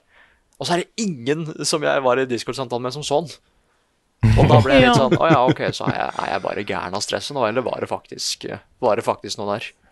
Det er Litt sånn den kleshengeren eller den der uh, greia du henger klær på i Among the Sleep.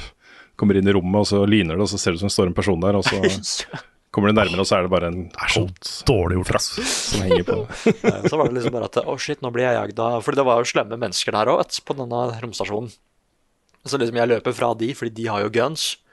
Og bare Å, det er bare ett sted jeg kan gjemme meg. Å, herregud, det er jo så klart i ventilasjonssystemet. Så klart det er det. Der hvor det er dårlig lys er det det. og trangt. Ja, ja, ja. Nei, og jeg syns uh, Nei, jeg, jeg, jeg, det, det er sånn Hvis jeg skulle spille aleine, da hadde det ikke vært snakk om å spille med headset. Fordi du hører sånne lyder på det skipet hele tida. Bare ja, ok, her tror jeg det er trygt, liksom. Folk prater, og det er ikke noe skummel musikk, men så begynner du å høre et eller annet i veggene. Et eller annet i røra, liksom. Nei, så jeg eh, Igjen, starten var så ille, fordi det, det skjer jo ikke noe! Det er, bare, det, er, det er bare mørkt og rare lyder og sånn, men det må jo skje noe, ikke sant?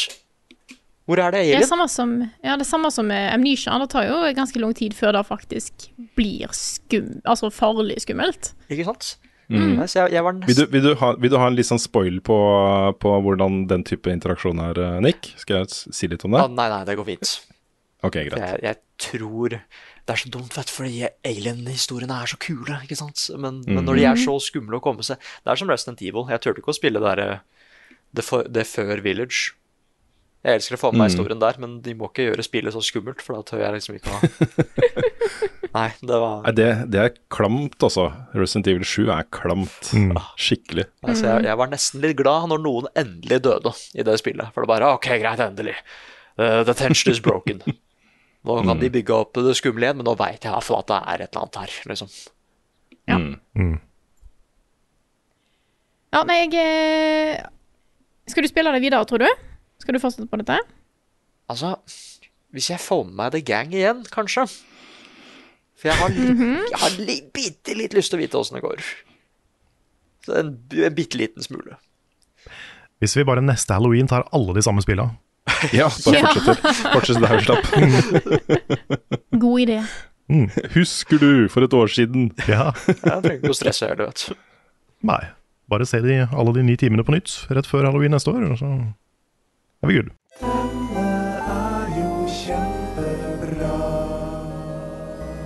Ukens anbefaling. Det er jo fortsatt litt spooky season, eh, vil jeg si, så jeg vil, eh, vil nå tro at dette her er innafor å komme med en, eh, med en anbefaling selv om halloween er ferdig. Eh, Halloween varer helt til jul, vet du. ja, vet ja. Mm. Bortsett fra i butikkene. Der var den ferdig eh, så snart. Da dinga 1. november. Da har det blitt jul istedenfor. Mariah Carey Black- bare Black kjører gjennom veggen. Ja. og så Black Week, da. Black Week starter jo nå neste uke. Ja, det gjør det. Ah, det er sant. Stemmer det. Nei, så det er Jeg har tenkt å komme med en anbefaling på en eh, serie som ligger på Netflix. Eh, Dette er nemlig Guillermo del Toros Cabinet of Curiosities. Å, oh, for er- en herlig tittel! Ja, det er jo en sånn serie med, med eh, kortfilmer, da. Eh, Skrekkortfilmer. Eh, Laga av forskjellige, forskjellige directors. Hva er ordet på norsk? Regissører. Regissører, takk. Det var Eva, da satt jeg fast. Eh, og dette er jo eh, Så det hver av de har eh, litt forskjellig stil og, og sånne ting. Dette er jo helt klart han som tar med seg eh, vennene sine og lager en serie. Mm. Eh, men det er veldig, veldig stilig så langt. Jeg har sett de første tre episodene. De første to er veldig gode. Litt, tar litt eh, er ganske spennende og tens. Den tredje er min favoritt så langt. Den, Den er bra. Den er ja, for du har sett den, Nick? Ja, jeg har sett alt. Du har sett alt, ja? Ja, da eh, hvordan, hvordan går det videre i serien? Er det fortsatt uh, good shit? Uh, jeg syns de første episodene er kjempebra. Eller jeg, jeg, det er ingen dårlige episoder her, syns jeg. Jeg syns de alle er bra. Jeg syns bare noen er veldig bra, liksom. Mm. Uh, ja, spesielt episode to syns jeg også var ganske den, Ja, den det er noe- Graveyard den- Rats eller et eller annet sånt. Mhm. Og den som, men den som frika meg mest ut, var den siste. Den aller siste? Ja, det var et eller annet der som jeg syns var veldig, veldig urovekkende, liksom. Dette skal jeg se, oss. Ja, nei, for meg så var det The Autopsy nummer tre. Den virkelig um... Ja, fordi den òg, oss. Ja. Den, den gir ting. Hmm. Det, er- den, den følte jeg på kroppen. Den følte jeg eh, Det var det et par tidspunkter jeg tenkte Ja, OK, greit, ja, ja, men det, ja da. Mm, yes. Dette er greit, dette er ikke skummelt. Ja, det- Dette går helt fint. Mm, Ja, eh, det, så og det ser så bra ut. Ja, det gjør det. Jeg, eh, jeg begynte på de på, på søndag, litt på dagtid. Eh, noen av de er litt mørke, så jeg, jeg fortsatte på kveldstid for å få, eh, få mer ut av det, og ikke bare svart. Eh, det er noen TV-serier for tida som er litt, er litt mørke. Ikke alltid eh, lagd for å se ting i daylight. Nei, House of the Dragon. Mhm. Men eh, anbefaler å ta en kikk der, altså. De er ikke så lange. Sant? Det er en eh, halvtime, time lange ting. Som, eh, så du får en bite-size eh, eh, Bite-size eh, liten horrorepisode som eh, Ja, de er liksom Jeg føler Jeg er så glad i det formatet her, å bare på en måte ha en historie som er contained. Det er litt av samme grunn som jeg er så glad i Love, Death and Robots. For da tar du tar bare et konsept, og så er det så langt som det trenger å være, og ikke noe mer. Jeg har, eh, jeg har tenkt på eh, sesong tre av eh, Love, Sex and Robots gjennom hele året. Etter at jeg så det. Love, Death and Robots. Love, Death and Robots. Love, love, Sex, Death and Robots. Ja. ja. for den er så sterk, altså. Den nye sesongen der er bare så vanvittig bra. Det er så mange kule konsepter og ideer og, og kortfilmer der, altså. Og jeg, jeg syns det er så kjekt å få sånne kortfilmer der en får brukt eh, en, en får slått seg litt løs uten at det skal være flasha ut en og en halv time om å være på kino. Mm. Da, jeg jeg syns det er fint at, uh, at streamingtjenester har blitt et, en plass der du kan få en del sånne opplevelser òg. Så eh, da er min anbefaling Guillermo del Toros Cabinet of Curiosities fins på Netflix. Check, check a look. Oh yes, Mm. will do. Og en annen ting som finnes Yes. på Netflix. Fordi uh, Dette har vi snakka om før, da, for lenge siden, men jeg bare må ta det opp igjen. Fordi kjæresten min og jeg har endelig begynt å binge, og da mener jeg hardcore binge, Cobra Kai. Oi! Fy fader, ass. Ja, det er bra. Det er, det er lenge siden jeg har vært så hekta på en serie. Mm. Det er sånn, Nå sitter jeg og bare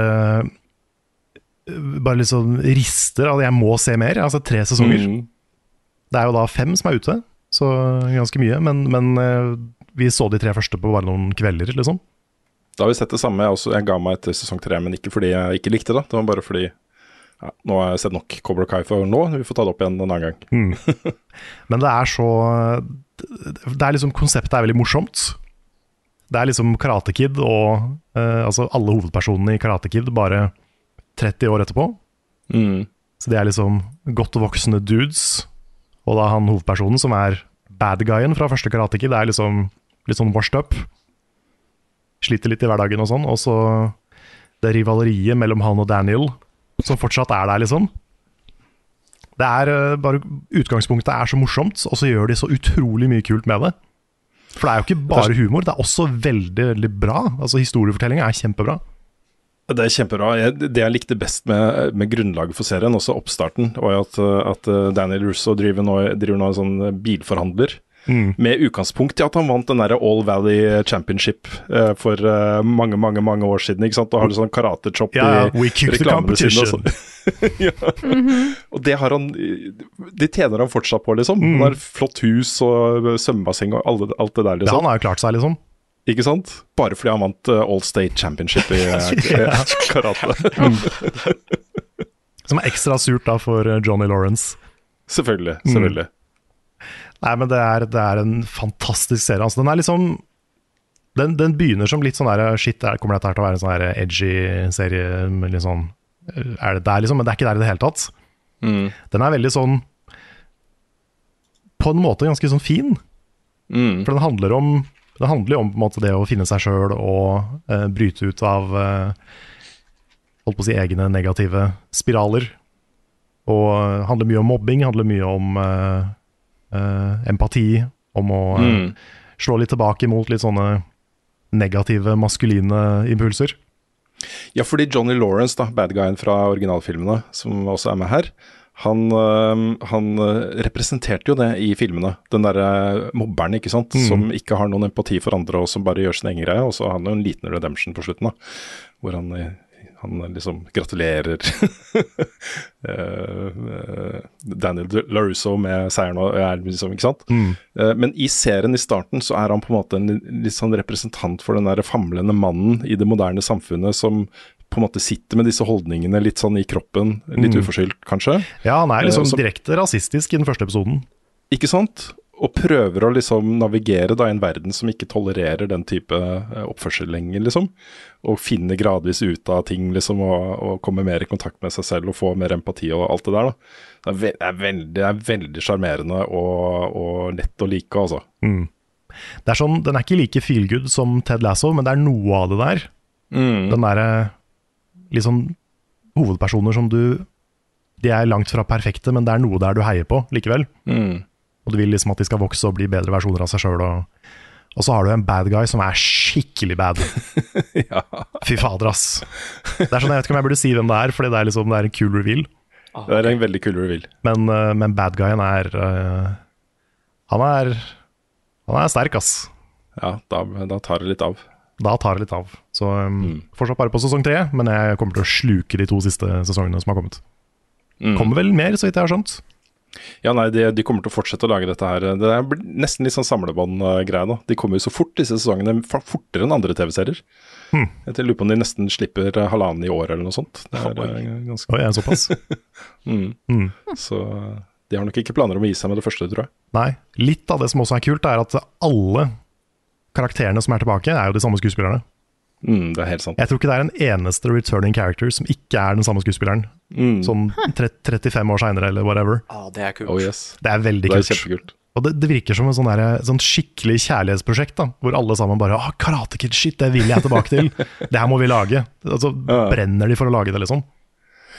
Ja, det er Grunnen til at det er sånn ekstra sånn metalag over det, er at mange av disse skuespillerne er jo mest kjent for det de gjorde med Karate Kid. Mm. De har liksom ikke helt fått det til etterpå. De var så store på 80-tallet liksom, og tidlig 90-tall, og så har det liksom karrieren deres gått sånn gradvis nedover etter det. da.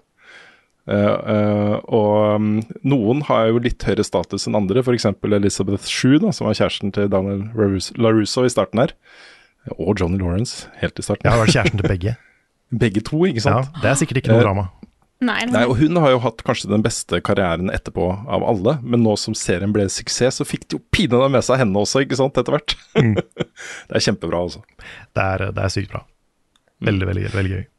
Jeg har lyst til å bare ta en mini, mini, mini sånn kjempekort anbefaling også på tampen. fordi eh, For et par uker siden så anbefalte jeg jo en, en elektronika-artist som heter Fred Again. Eh, og det som var litt sprøtt, var at dagen etter kom han med et helt nytt album. Oi! Ja. uh, det heter Actual Life 3. Uh, og jeg vil anbefale å både høre den, men også å følge han på eh, sosiale medier. Fordi han legger ut utrolig mye sånn klipp av hvordan, hvor låtene hans kommer fra. Eh, hvilke taler og hvilke dikt og sånt som er utgangspunkt for låtene sine. og Noen ganger så fremfører han på en måte versjoner for de som har holdt dikt og sånne ting. Det er veldig spennende å følge også. Så han er en eh, artist som virkelig omfavna kraften i sosiale medier på en, eh, en veldig givende måte. Hvis du først blir glad i musikken hans, så er det så mye å ta av der også. Så Fred Again, prikk prikk, er artistnavnet. Det er verdt å få med seg. Kan jeg komme med Hva gjør Frida? Ja. Gjør det, Nick. Du Gjør det. først, Ni- du først, Nick. Da burde jeg nesten vært før Rune, for da kunne jeg sagt 'men snakker om Netflix'. uh, nei, det er superrasken. Uh, klassisk eh, Nick-anime-anbefaling her. Men hvis dere liksom er litt sånn Hvis ventetida til God of War blir litt lang og sånn, så er Vinland Saga på Netflix nå. Den er det, Ja, ja. det har jeg sett. det har jeg sett. Ja, Handler om vikinger og norrøn mytologi. Eller litt mer realistisk fortelling, men det er noe norrøn mytologi der òg, altså. Ja, ja. Og det er fortsatt en av de beste animeene jeg har sett. Hinter til hint, hint. Den er dritbra. Men eh, når vi snakker om uh, knallbra serier på Netflix uh, eh, eh, jeg, jeg så jo noen skrive at Hunter x Hunter var på Netflix nå. Stemmer det? Jeg er ikke som Jeg har ikke funnet den, i hvert fall. Nei, for jeg har heller ikke funnet den. Nei. Det er mulig den ikke er i Norge, da. Ja, OK. Nei, men, Da, da men, dropper vi den. men det går fint, fordi den er på Crunchyroll. Liksom, Den er på Crunchyroll. ja. Yes. Mm. Men jo. check, check look. Ja, det er bra, ass. Ja. Og så en siste bitte, bitte liten en. Oh, meg, We're out of control, we're out of control. Ja, ja, det er helt krise, nå må vi snart gi oss. Uh, det er bare en, eh, litt innovervendt, eh, da kan jeg si, for jeg har ikke lagd eh, klassiker til nå. Men nå er jo klassikeren tilbake på kanalen vår, eh, så jeg vil bare anbefale å sjekke det ut. Carl sin om eh, Hollow Knight er dritbra, og Leander sin om The Stanley Parable kom i går, og fy fader, for en fyr han er! Ja, Det er helt vanvittig. altså. Den, den videoen er så sykt kul. Ja, det, han er et uh, unikum, et uh, supertalent, altså. Så jeg er veldig glad for at uh, han er hos oss. Absolutt. Han var jo allerede veldig veldig bra da han fikk, fikk stillingen som anmelder. Men han har liksom allerede nå levert dette her. Det er utrolig kult, altså. Ja, følg med på han. Vi snakker, eh, snakker om uh, The Leander Cinematic Universe internt hos oss, og det tror jeg det er flere som kommer til å få merke uh, framover også. Her kommer nyheter med Rune Fjell-Olsen, og han har ikke hår. Da har vi endelig fått eh, både lanseringsdato og pris på PlayStation VR 2. Det er da VR-kittet til PlayStation 5 det er snakk om. Den vil bli lansert 22.2, og den vil koste jeg tipper da rett i overkant av 6000 kroner her i Norge. oi. Like mye som konsollen. Yes. Like mye, ja, det litt mer enn konsollen. Den ligger jo- faktisk. Ja, litt mer. Så vi snakker om liksom 11 000-12 000 kroner, da, hvis du vil ha liksom PlayStation eh, VR 2 og en PlayStation 5. Oh boy. Så er det, det det er prisen du må ut med. Og da begynner vi å nærme oss uh, totalprisen for andre kits. Mm. Um, men uh, uh, nå er det jo 25 millioner mennesker i verden som har en PlayStation 5, faktisk. Det virker ikke sånn, men de har runda akkurat 25 millioner solgte eksemplarer av den. Shit. Så mange vil jo da allerede ha en PlayStation 5, og investeringen vil nok være litt mindre da enn for en del konkurrenter. Um, vi fikk også se en del spill da, som kommer til uh, launch. Um, jeg er usikker på om det Horizon-spillet kommer til launch. Jeg lurer på om kanskje det er en del uh, Jo, jeg tror du kan kjøpe det som en pakke, Ja, Og det at så sånn ut at det var en sånn Horizon-bundle. ikke sant? Eh, som øker da prisen med 500-lapp, og det er en sånn ekstra, en ekstra dockingstasjon for eh, Eller sånn ladestasjon for kontroller, og det er en del sånne ting du kan kjøpe ved siden av, da. Eh, Men av de andre tingene som ble vist fram, så var de mest interessante tingene var kanskje eh, The Dark Pictures Anthology Switchback VR, som er en spirituell oppfølger til Until Dawn, Rush of Blood. Og den, det var en sånn VR-opplevelse hvor du sitter på en, berg-og-dal-bane, liksom. Og så skjer det masse greier, horror-ting, liksom. så et, et velegna konsept for, eh, for VR. Um, du har et skytespill som heter Crossfire Sierra Squad, som ser lovende ut. Um, du har et nytt Hello Neighbor-spill som heter Search and Rescue. Uh, og så har du et uh, sånn rytme-actionspill som heter Pistol Whip VR. Og ikke minst Cities VR Enhanced Edition. City Et, uh, Skylines? Yes, hvor du får da uh, City Builder. Eh, litt sånn, Du blir sånn gud over den, ikke sant. Du kan drive og liksom mer fysisk drive og bygge byen din, ikke sant Frida? Ja. Det virker egentlig ganske kult, hvis det funker. Ja. Sånne konsepter er veldig godt egna for VR. Og alle de aller beste VR-konseptene jeg har sett, har jo vært litt sånn fikst kameravinkel. Mm. Eh, litt sånn fra oversiden. Du er på en måte kamera over en verden som du kan manipulere ting i. da. Moss-spillet, f.eks. Uh, det er en del andre brettspill og eh, board games som, eh, som har kommet i VR. Så, eh, så dette har mye for seg. Jeg har veldig tro på PSVR2. Jeg, jeg, har, jeg sitter og venter litt på Nå vet jeg at uh, MetaQuest 2 har fått bred eh, også bredt ned, nedslagsfelt. Det er mange som har en eh, Quest VR2 nå, eller Quest 2. Eh, men jeg, jeg har litt tro på PSVR2 som en liksom folkeliggjøring av VR. Eh, nå har uh, oppløsninga kommet opp på et, uh, et akseptabelt nivå. Uh, Frameraten er god, eh, og utvalget av spill er bra. Så um, eh, Og ikke minst da prisen på rundt 6000 kroner. Da har du liksom kanskje, da, eh, flere som hopper på. Jeg syns ikke egentlig utvalget av spill er helt der ennå, altså. Nei. Ikke for Nei, men det 6000 kroner. ting. Ja, det kommer ting, vet du. Ja, men da må det komme ting, da. Ja, for, for eksempel så er jo Mangus er jo også confirmed for eh, PSVR2. Mm. Uh, det kommer jo også på andre VR-plattformer nå i november. Så eh, jeg, ja. Jeg er fortsatt sånn Jeg, jeg vil ha den derre Half-Life Alyx. Jeg vil ha flere av de, liksom. Um, men uh, jeg tenker at VR begynner å komme på et sted nå. Så dette her gleder jeg meg til å sette meg ned med og analysere, liksom. Mm. Og, og få en mening om uh, når jeg får muligheten til det, da. Vi sa at vi kanskje, det kanskje kom noen God of War Ragnarok-drypp eh, gjennom eh, episoden også, men dette er et veldig sånn eh, fakta, en sånn konkret ting som det, Sony nå har gått ut og eh, eh, snakket om. Og det er de forskjellige grafikkmodusene du har i eh, God of War Ragnarok. Så tenkte jeg det kunne vært relevant informasjon for mange. På da, det, her det være faktisk hele tolv Her kommer kona. Tusen takk. det vil være hele tolv forskjellige typer grafikkmoduser i spillet fordelt da over PS4 og PS5-versjonene.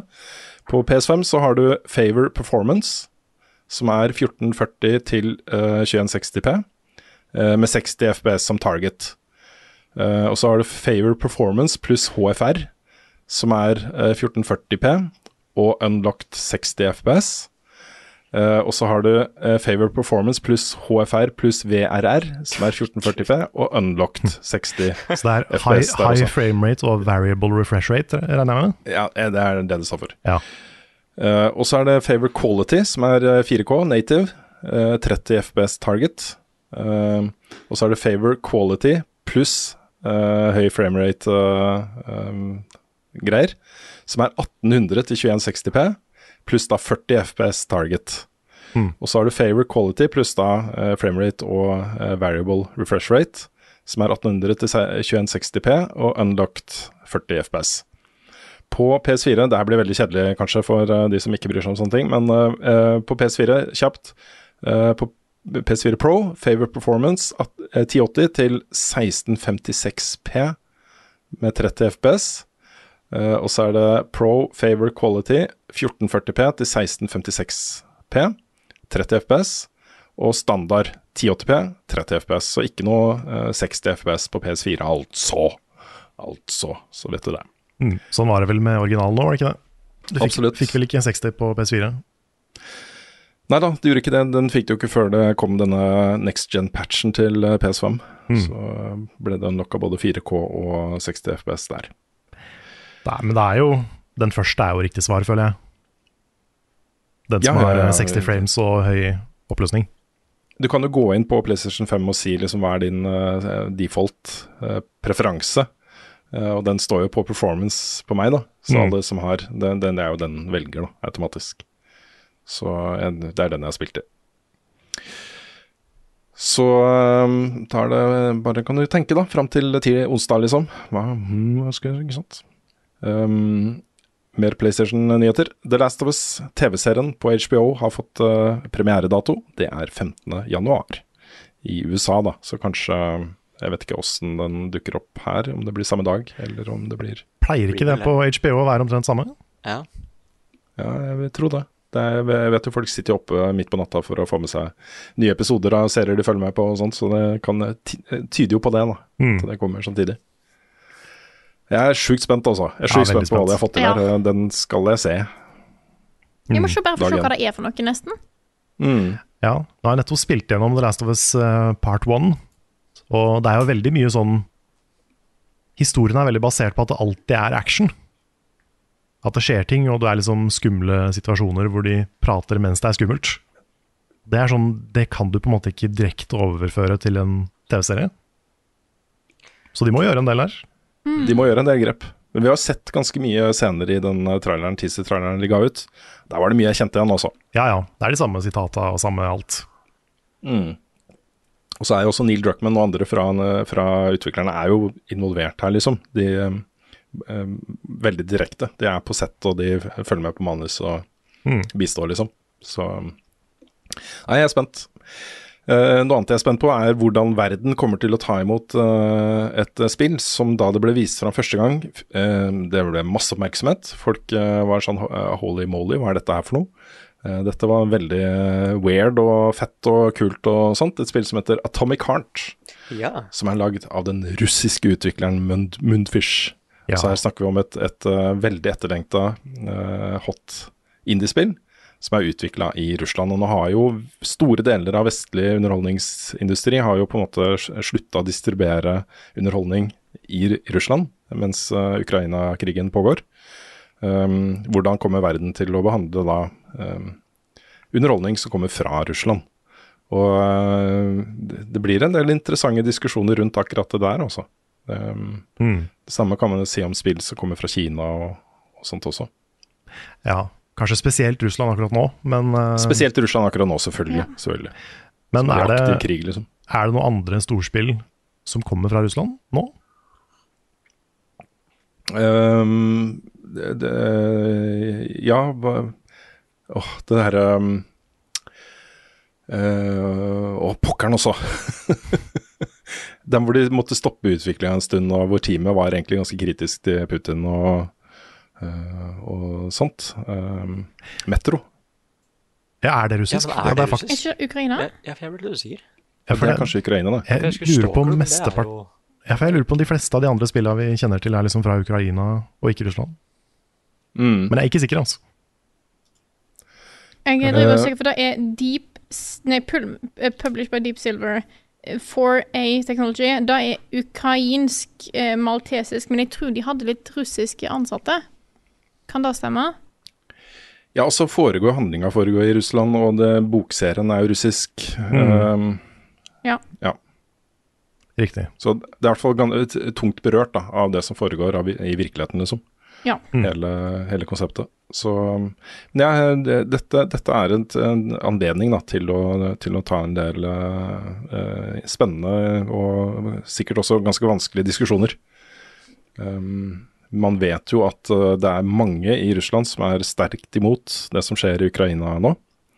Eh, og kanskje spesielt innen på en måte litt mer sånn kreative eh, eh, miljøer med internasjonalt snitt. Også eh, personer som kanskje jobber mot, mot resten av verden med innholdet de lager, og henter inspirasjon fra resten av verden og sånt, og kanskje er mer globale da, i tankegangen enn en, eh, mange andre.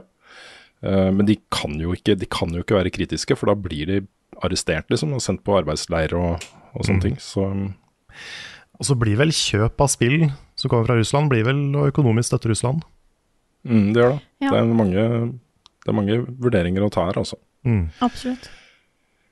Så eh, det er da lanseringsdato som har kommet her. Det er 21. februar. Så um, da får vi forberede oss. Mm. Vi eh, fikk jo under Tokyo Tokyo Gameshow den første teasen fra et nytt prosjekt fra eh, Hideo Kojima og Kojima Productions. eh, nemlig da et bilde hvor det sto 'Where am I?' og så dukka da Elle Fanning opp som eh, skuespiller eh, i eh, da eh, Kojimas eh, spill. Vi vet ikke hva spillet er ennå, men nå er det en ny person og en ny, en nytt spørsmål dukka opp. Det er um, eh, 'Where am I?' Eh, det er da den, eh, den japansk-australske skuespilleren eh, Shioli Kutsuna, som er kjent fra bl.a. Deadpool 2, som, um, eh, som er avbildet der. Og så har det kommet opp en, uh, et nytt bilde. Hva var det det? 'Why am I?' Er det det det står? Ja, why, why am I here, eller et eller annet sånt? Ja, et eller annet sånt. Um, som det ikke er noe skuespiller på ennå, men som man da kan anta det kommer en skuespiller til. Og så får vi sikkert full reveal da, av dette prosjektet på Game Awards, vil jeg tro. Det er Norman Reedus, vet du. Ja, det er Det kan fort hende at det er Norman Reedus. Ja. Nei, det kan hende. Nå drikker jeg kaffe som kona kom og helte. Mens det var veldig fint. Um, nei, dette det, Man blir jo litt gira, selvfølgelig, når det er nye ting. Mm. Jeg, jeg leste et intervju med Hideo Kojima eh, nå nettopp, hvor han snakker litt om gamle dager og sånt. Han sa det at i mange, mange år da, så klarte han ikke Han klarte ikke å se på eh, verken folk spille det eller spille det selv, ting han lagde på 90-tallet, liksom. De første Metal Gear uh, Solid-spillene og sånt. Han uh, crincha, han syntes det var ikke sant. Men så viser det seg, og rent tematisk så har han jo vært utrolig tidlig ute da, med både fremveksten av sosiale medier og eh, desinformasjon og eh, utfordringer som vi har i dag, da, i dagens samfunn. Han var litt sånn visjonær på en god del ting. Og betydningen og viktigheten av de spillene er vedvarende, liksom. Så han sier da i intervjuet at det er først nå, da, i nyere tid, hvor han har kunnet sette seg ned og se på eh, folk spille spillet på YouTube og, og sånne ting. da. Det er spesielt Metal Gear Solid 2 som, Ja. som eh, har noen frampek som er litt, eh, litt sånn nifse, nesten. Mm, det er helt sant. Det er helt sant. Nå går det jo sterke rykter fortsatt da, om at det vil eh, bli annonsa en remake av Metal Gear Solid 3 hvert øyeblikk. Så, um, så vi får se. Som ikke er en um, pachinko-maskin. Som ikke er en pachinko-maskin. Og så en uh, sak som vi egentlig burde ha nevnt forrige uke. Uh, da var den helt fersk, uh, men den er fortsatt relevant. Valve har gått gjennom prissettingen av spill på Steam og funnet ut at det er en del store variasjoner her. Og Hovedgrunnen til at de har gjort det, er nok at folk driver og endrer regioner og sånn, ikke sant. Og finner et land hvor, hvor kroneverdien er spesielt lav, sånn at de kan få mer for pengene. Og handler spillene sine der. Um, det eh, sier nå Valve da til de som gir ut spill, at eh, hør her, dette er liksom, nå har vi gått gjennom prissettingen, dette er det prisen bør være i de, alle de forskjellige landene som selger disse spillene. Eh, og For Norge så betyr jo det en anbefalt pris, et anbefalt prishopp på 50-60 Det er mye. Så Det er ja, mye. det er mye penger. Jeg gikk litt gjennom uh, lista av kommende storspill på Steam uh, rett før opptak i dag. Og foreløpig så har det ikke gitt noen innvirkning på prisen. De ligger fortsatt da eh, på sånn 599, som er sånn standard for eh, fullpris PC-spill av en viss størrelse på Steam. Eh, men her kommer det til å komme variasjoner, akkurat sånn som det er på PlayStation og, og Xbox nå. Noen spill koster 800-900 kroner. Spørsmålet er hvem som kommer til å være først, for du må jo på en måte tørre å være først med noe sånt. Ja. Mm. Og da, da får du jo hatstormen, liksom. Grand Theft Auto 6. ja. Kanskje. Ja, det må jo være noe, noe svært. Mm. Det kan ikke være et lite indiespill som plutselig skrur opp prisen. Det er helt sant. Nei, vi har, Det er litt interessant sånn prisstrukturen i spillmediet nå, altså. Fordi eh, ja, prisen på de aller, aller største greiene går opp.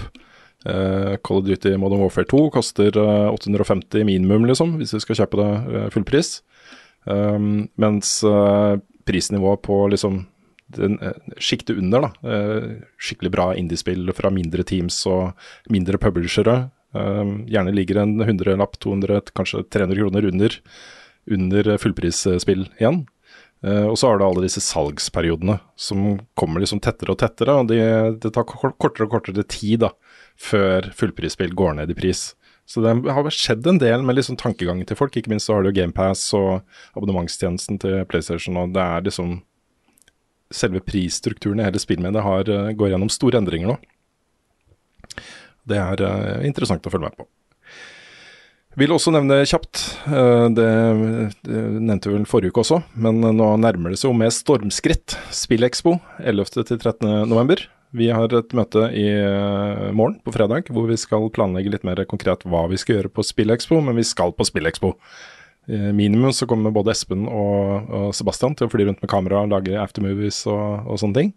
Eh, Men det er også snakk om at vi skal en tur opp på scenen og gjøre et eller annet. Vi bare har ikke helt bestemt oss for når og hva ennå. Da blir det liksom where am I, why am I på oss også, Carl. det gjør det. Mm. Eh, og så er det en veldig veldig spennende konferanse neste uke, den 10. november. Uh, dataspillkonferansen til Medietilsynet med massevis av bra talere. Der er jo programmet delt opp. Den første delen tar for seg liksom spill eh, som en del av samfunnet generelt. Uh, starter med presentasjon av nye barn og medier-undersøkelsen, som er uh, superinteressant. Uh, er kanskje det tallet jeg mest, eh, er mest spent på, er andelen jenter som spiller under 18. Eh, For det har jo vært eh, For noen år siden var den veldig høy. Vi snakka liksom 80-90% der også, og så har den gått gradvis nedover. Så det virker som om jenter under 18 eh, fjerner seg litt fra spillmediet. Det, mens gutteandelen holder seg veldig høy. Og det er jo en utvikling som, som jeg syns er litt skummel. Absolutt. Absolutt. Det er ikke sånn det bør være. Så eh, jeg skal også innom der, holde en eh, liten paneldebatt. Eh, Det er bare 100 billetter, så jeg vet ikke om det er noen igjen. Men det er gratis. Det er bare å gå inn på hjemmesiden til Medietilsynet og sikre deg en billett. Hvis du har lyst til å, være der. Det er hele dagen 10. november. Hva er hennes best, hvor var fredag sist? Har Carl egentlig sopp? Ukens spørsmål. Siden vi snakka så kort om klassikerinnslagene våre eh, i stad, så tar vi et spørsmål her fra Jon Magnus Restad, som skriver Veldig glad for at klassikeren er tilbake igjen, men jeg er nysgjerrig. Hvor mange timer arbeid ligger bak et klassikerinnslag? Håper ikke det er så mye av spalten forsvinner igjen. Eh, er, vi håper jo òg at vi får eh, videre framover satt av litt tid her og der, så vi kan fortsette med klassikerspalten. Det er en veldig hyggelig spalte å lage. Det er det. Og det er jo også en uh, altså det er jo et Patrion-mål også med klassikeren. Og vi, vi har jo nå uh, den sesongen her som vi lova fordi vi nådde det målet i fjor. Men nå er vi under det målet igjen, så vi må komme oss opp igjen. For, å, Mm, vi må det. for, for å få, få mer igjen etterpå. Men det, er jo, det blir jo nå en sesong uansett, så ikke vær redd for at den forsvinner. Nei, nei, nei. Men eh, klassikeren, jeg vil si at det tar i hvert fall like lang tid som det tar å lage en anmeldelse. Mm. Hvis du skal spille gjennom hele spillet først. Ah, sånn, Hvis, hvis ikke du har Mm. content liggende. Ja, og så Ja, er det, jeg, For meg i hvert fall så er det sånn Jeg tenker på en litt annen måte. Det skal være litt mer eh, Gjerne en litt større video, litt mer personlig video. Så jeg legger nok mer jobb inn i et klassikerinnslag enn en anmeldelse. Ja, eller i hvert fall den, store forskjellen er at i klassikerinnslag så skal du jo kunne spoile ting. Altså Du skal Mm. kunne snakke om hvorfor, hvorfor dette spillet er viktig. For da ofte så er det jo um, Grunnen til at man havner på et spesielt en score eller en konklusjon, da, er jo pga. ting man ikke egentlig kan snakke om, fordi det er store spoiler og uh, kanskje slutten er en spesielt dramatisk vending eller et eller annet, liksom. Uh, også elementer da, som man gjerne ikke må, bevite om før man setter seg ned med spillet. ikke sant? Mens i klassikeren så er det jo de tingene vi skal snakke om. Det er de, og som man må gå mer i dybden på sin egen mening om spillet på en litt annen måte enn man gjør i en anmeldelse. Hvor man kan bare si at liksom Ikke minst hadde også spillet en utrolig kul vending på slutten. eller ikke sant, Og så stoppe der, da. Mm. Så må du snakke om den vendingen, og du må forklare hvorfor den påvirker deg. Og det er en helt annen måte å tenke på da, når man lager uh, et manus. Så, så det tar jo litt tid, men det som tar mest tid, er jo å spille spillet. og Da vil jo noen spill være korte, eh, mens andre spill vil jo være lange. Og eh, man vil nok i de aller fleste tilfeller måtte spille gjennom hele spillet uansett, da, om det er 100 timer eller om det er 5 timer. Så er det jo filming og klipping og alt dette her, så man snakker jo som regel om liksom kanskje en ukes jobb da, for et sånt innslag i noen tilfeller. Og det er en uke vi ikke har, egentlig. Vi må sette av tid til det. Vi Mm. må liksom bestemme oss for at nå skal vi gjøre det. Dette er det vi prioriterer nå. Ja, ja, for det er jo det som har vært litt problemet hele veien, at for hver klassiker vi lager, så blir det én færre anmeldelse. Um, og det er en prioritering som er vanskelig å gjøre når det kommer veldig mange store, viktige spill som må dekkes, som er tidsaktuelle og som er uh, verdt å se på. Ja, Hvis man tenker da at det tar en uke, altså fem arbeidsdager å lage et klassikerinnslag, um, inkludert spilling og klipping, og så skal man ha ti episoder, da snakker vi to månedsverk som forsvinner, to hele månedsverk som forsvinner fra produksjonen vår. Så det er en, uh, uh, det er en ganske vesentlig satsing å gjøre, da. Men samtidig så syns jo den er viktig. Mm. Altså vi har, jo, vi har jo lyst til å prioritere det. Han får liksom Du får satt ting litt i perspektiv på en annen måte enn vi rekker å gjøre i anmeldelse, eh, anmeldelser, for da er Da har ikke den tida du trenger for å se det perspektivet godt ennå. Mm. Ah, og jeg tenker så mye på at dette er liksom Hvis dette er det siste jeg kan si om dette spillet, Ja. da må det virkelig gjelde, ikke sant? Ja, Mm. ja for det, sånn erfaringsmessig for min del så tar det bare etterarbeidet tar fort en uke for meg. Mm. Altså utenom å spille spillet. Mm. Ah, Jeg føler en brusanvisning på åssen jeg anmelder spill òg, og den funker jo ikke ved klassikerinnslaget. Gjør ikke det? Kan ikke bruke den da, liksom. Da blir det bare nok en anmeldelse. Jeg eh, har jo Ja, eh, Jeg har jo sagt at jeg ikke kommer til å lage et eh, klassikerinnslag til denne sesongen. Beklager da, folkens. Det er Tida strekker ikke til for min del. Men jeg har så smått begynt å se på det, og da jeg ser at en må Klassikerinnslaget jeg skal lage, da krever at jeg går gjennom absolutt alt av opptak jeg har, for å lage en slags historie. Så det er helt klart mer arbeid der enn jeg vanligvis ville gjort til en anmeldelse. Så Mm. der har vi i hvert fall et, jeg vil si, ti timer med, med forhåndsarbeid før klipp- og skrivejobben, faktisk. Ja, det er sant. Ja, for her er det virkelig viktig å ha relevante klipp til det du snakker om, ikke sant? Mm. Så ja, det, er, det er et godt poeng, altså. Og så minner jeg folk på at en normal arbeidsuke er 37,5 timer. Det var, eh, det var sånn cirka det det tok meg å komme til rulleteksten i God of War Ragnarok. Vi er tilbake der, ja. ja det,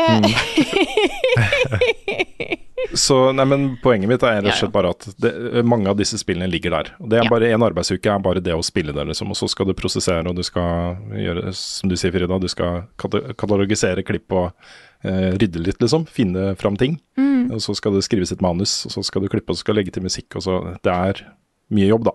Mm. Mye jobb. det er det.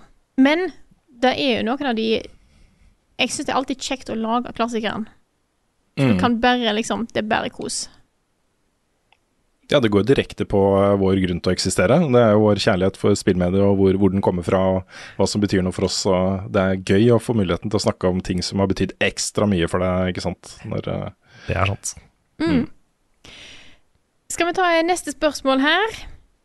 Det kan vi gjøre. Det er- ja. Er relatert til eh, serier som har eh, Eller ting som har kommet og gått litt hos oss. Eh, dette er spørsmål fra Bjørnar Havnen. Eh, Vi ser det dukker opp andreplass òg. Eh, hva har skjedd med Holonic? Å nei. Oh. nei, det, det ble litt pause i Holonic. Ja. Det var Det er vel bare fordi du ikke gidder, ikke sant, Nick? Nei, nei, nei. nei, nei, nei. Det var bra at jeg var her. Fordi du hater spillet. Jeg visste at dette kanskje kunne skje med denne feilinformasjonen, ikke sant. Nei, eh, Ja, ja. det var egentlig, men det er jo mest min skyld, eh, fordi det er eh, Jeg ble busy bee, rett og slett. Det var liksom både Ikke både, det var egentlig bare duellen. Og nå var det plutselig snakk om klassikeren skulle komme tilbake. Nå så dukka God of War opp, og uffa meg, liksom. Mm. Så ta den Ja. støyten der og spille det òg, liksom. Nei, det var Nei. egentlig helt siden som, i sommer så har det vært veldig, veldig mye nytt å ta tak i. Ja. Og da har det vært eh, vanskelig å få satt seg ned og spille det. Og det, er, det var litt sånn med, med Bloodbjørn òg. At man, man skulle ikke tro at det er vanskelig å få sånne ting til å klaffe, men noen ganger så er det det. altså. Mm. Så det ble en litt, eh, litt uplanlagt pause, men vi, eh, vi planlegger fortsatt å komme sterkere tilbake. For det er ikke Mm. lagt ned. Nei, Ikke lagt jeg, ned. jeg har lyst til å klare det spillet. Mm. For, for jeg kan ikke liksom si at det bare, jeg hadde bare ikke tid. ikke sant? Folk kommer til å tro at jeg ikke klarte spillet. ikke sant? Det er ikke etter å ha sett episodene, da. Nei, jeg tror ikke det. Det er liksom jeg skulle beseire Hollow Knight, det, det går ikke. Og jeg er litt spent. Er- Så bare, nå har de begynt å prate om De har faktisk brukt setningen Hollow Knight i spillet. Ja, Mhm. det er sant. å, ja, bare, Nå begynner det faktisk Lauren å bli litt spennende her òg. Ja, They said the title. They actually said the title, og da They did. Ja, for du fant en statue med en sånn svær knight. Mm. Mhm. Litt som når de sa liksom Horizon Zero Dawn i Horizon Zero Mm. Dawn. Ja. Ja. Is this some kind of Lord of the Rings, the Fellowship of the Ring? We have to become the Lord of the Rings. Men nei, jeg, eh, den er ikke Den er ikke kansellert eller noe sånt. Vi må bare finne litt eh, finne tid til det. Ja, og så er det noe med at når den kommer tilbake, så vil jeg gjerne at den skal komme tilbake skikkelig. At ikke det bare er én episode, liksom, eller to. Ja, ikke Men at, at vi har litt, litt lagra, sånn, at det- Mm. sånn at det kommer. Yes. Mm. Så det. Nei, vi får uh, sette av tid med en gang det roer seg ned, sånn en gang i 2025. Ja, sånn rundt Ja. 2025-2026, da, da blir det rolig. Ja, Ja, det er ikke så mange spill. Kommer ikke så mange spill, da. Nei, Rune, har du et spørsmål på blokka? Ja. Um, jeg, jeg tror jeg sparer God of War-spørsmålet til neste uke, etter Ja. at folk har kommet ut. Eh, det er et veldig bra spørsmål fra Christian Larsen om hvilken mytologi vi ønsker oss i God of War, men det kan vi snakke mer om seinere, kanskje? Skal vi gjøre det? Ja, neste uke. Mm. Um, men jeg har et spørsmål her fra eh, Stormauk på Discord-serveren vår. Som spør da fra en som har mistet totalt håpet om å få tak i en boks Boxfresh PS5 til ordinær pris. Har dere noen gode nyheter på den fronten? Generelt noen nyheter derfra i det hele tatt. Det er eh, ikke egentlig, jeg vet pågangen fortsatt er stor, men nå er det sånn at alle de store eh, butikkjedene som selger PlayStation 5, de får jo inn av og til da, et nytt parti. Og nå er det hos flere av de, vet jeg, ikke noe sånn forhåndskjøp eller ventelister eller noe sånne ting. De bare legger ut på eh, hjemmesiden at nå har vi fått PS5, og så er det de som er kjappest ute som får tak i en, en av de, da. Eh, så rådet er vel egentlig bare å følge med. og Jeg tror dette blir en, en eh, et tips som jeg ikke kan verifisere selv, men vi har fått beskjed om at på Discord-serveren til nerdelandslaget så er det en egen bot som overvåker disse sidene, og som pusher melding eh, når det kommer eh, i salg i de forskjellige butikkene. Så Nice. eh, ja, og det vet jeg. Det finnes sånne scripts du kan eh, installere som plugins på browseren din. Og det finnes noen grep da du kan gjøre. Så det er, det er Stian Blipp som har kjøpt alle sammen? Ja, det tror jeg Stian Blipp som har kjøpt alle sammen. Ja. Tenkte jeg ikke, ass. Mm. Jeg, jeg, jeg har jo sett at det meste som dukker opp Har dukket opp nå, er jo sånne bundles. PlayStation 5 med et spill. Ja. Uh, så det kan jo være at det er det som blir uh, alternativet, rett og slett. Ja, jeg har vært innom to but- butikkjeder og hørt, egentlig bare for research.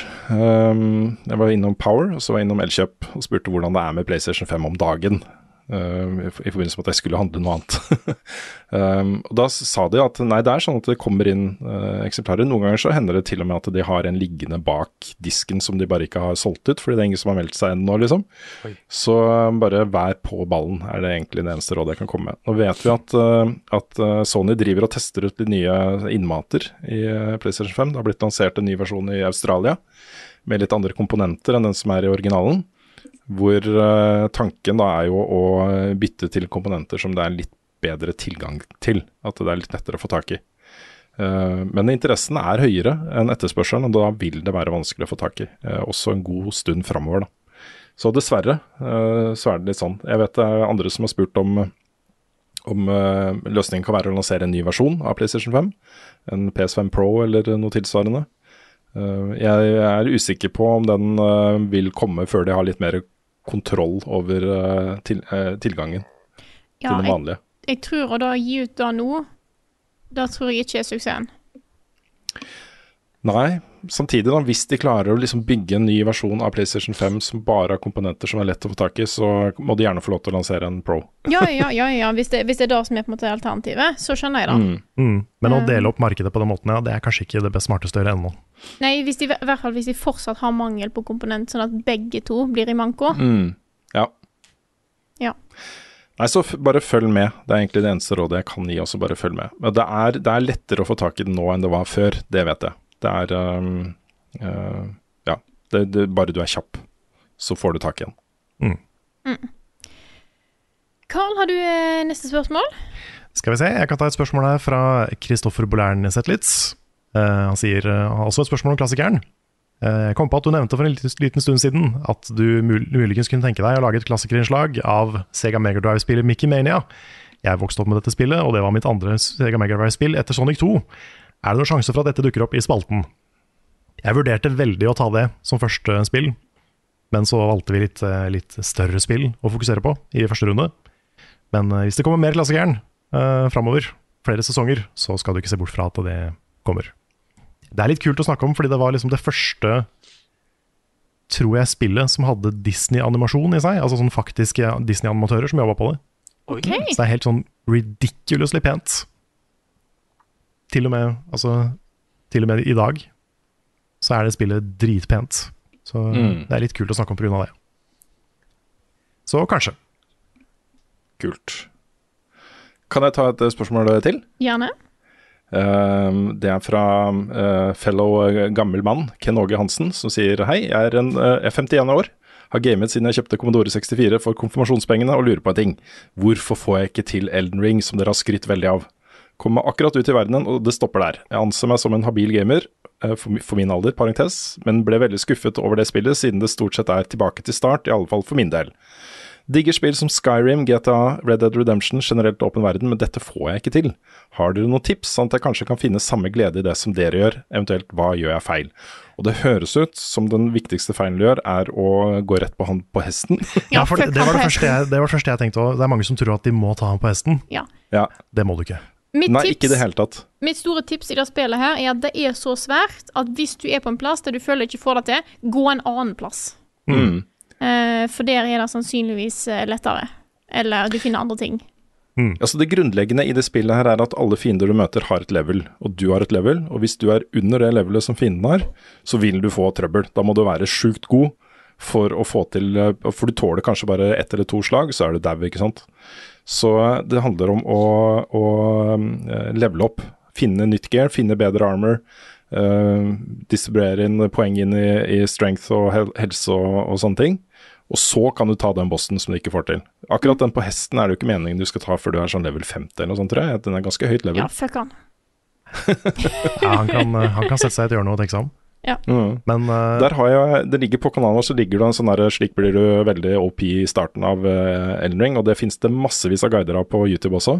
Så Hvis du sliter og har lyst til å komme deg inn, se en sånn guide. Den gir deg beskjed om at hvis du går dit, så finner du det våpenet, og hvis du går dit, så finner du den, den, den, den. Plutselig så er du level 30, 40 liksom, og kan begynne på første boss, uten at du engang har tatt en eneste boss. Mm. Så, um, så mitt uh, tips nummer én er bare å powerlevele litt, og så begynne å uh, bryne deg på disse bossene. ja, ja hvis, du, hvis du utforsker verden, uh, og ikke liksom blir sånn innbitt med at du skal ta den ene bossen nå, så kan du oppnå veldig mye i Elden Ring uten å på en måte sette deg fast, da. Ja.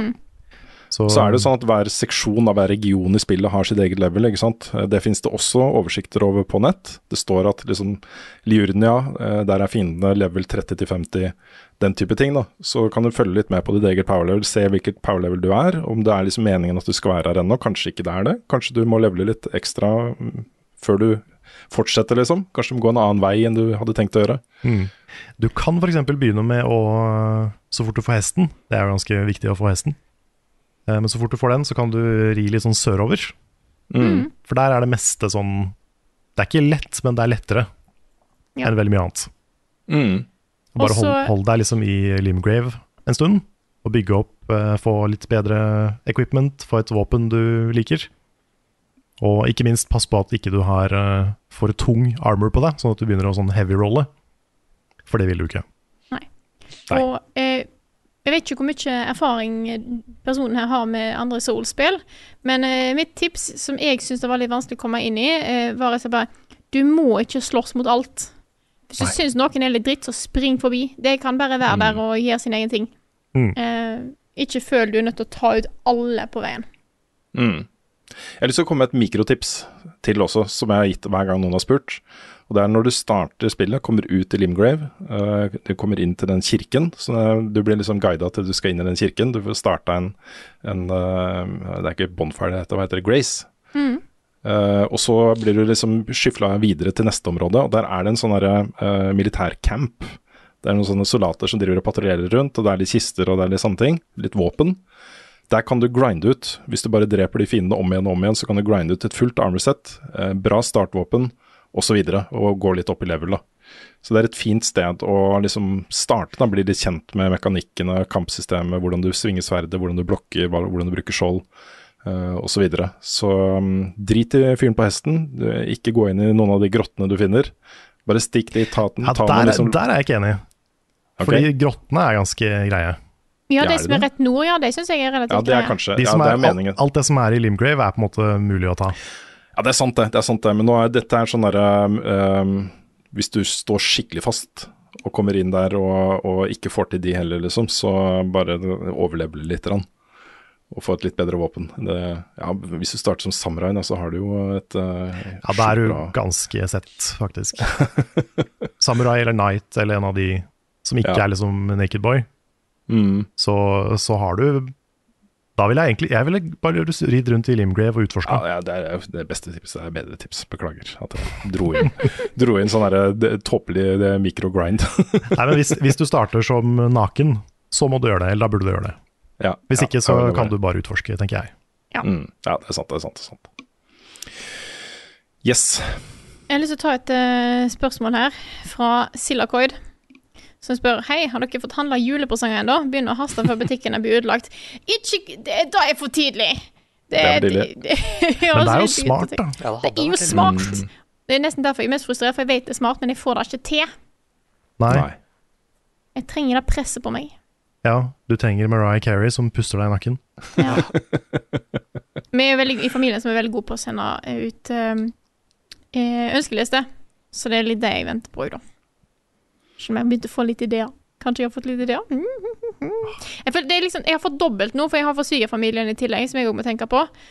Jeg blir stressa bare av tanken. Men det er ingen som ønsker seg noe. Nei, det er akkurat det jeg skulle si! Ja, jeg Nei. hater foreldrene mine på det, ass. Men jeg er helt lik, da. Jeg ønsker meg heller ikke noe. Nei. Å, jeg hater deg òg, ass.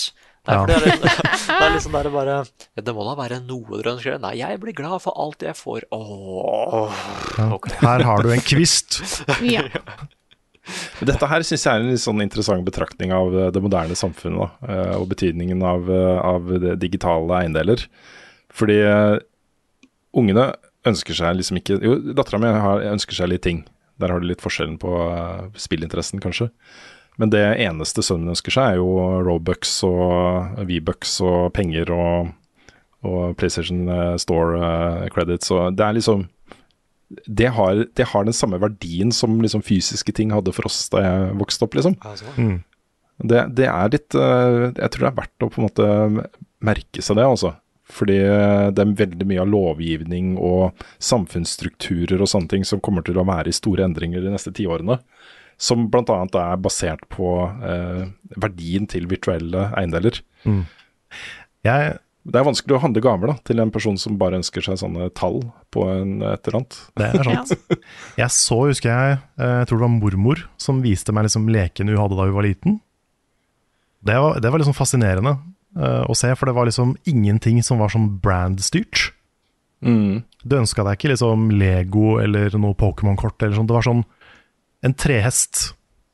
Ja. Det var sånn, det spilte ikke noen rolle hva slags trehest, eller hvor den kom fra, eller hvilket selskap som hadde lagd den. Det var liksom bare trehest. Oh. Mm. Og det var, det, det var en annerledes tid, altså. Mm. Det var Ja, dri, det jeg syns jo det var dritkjedelige leker da da jeg så det. Men det var liksom- Ja, men det var så lite styrt av liksom uh, image-ting, da. Mm. Det var liksom bare ting. Ja. Det var Litt, litt fascinating. Hmm. Skal vi ta en runde av der?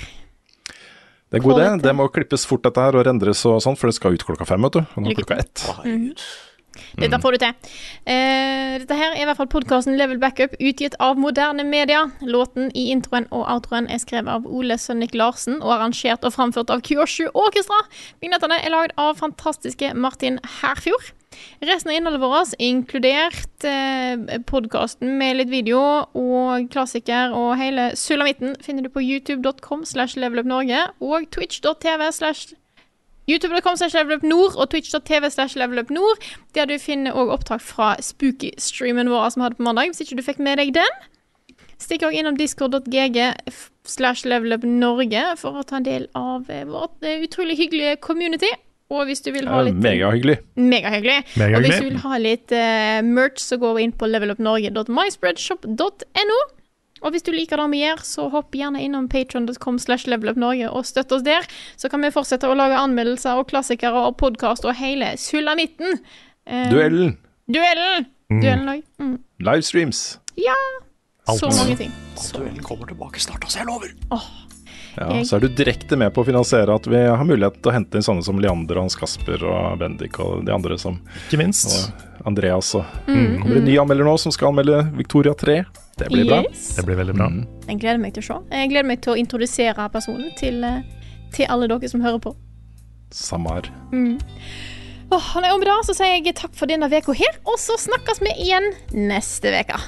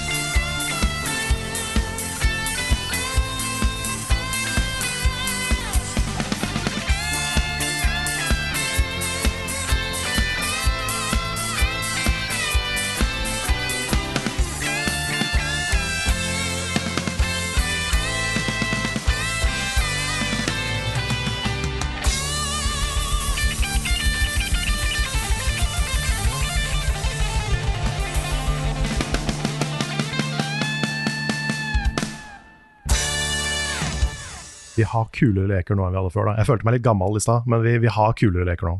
Har du et enkeltpersonforetak eller en liten bedrift? Da er du sikkert lei av å høre meg snakke om hvor enkelt det er med kvitteringer og bilag i fiken, så vi eh, gir oss her, vi. Fordi vi liker enkelt. Fiken superenkelt regnskap.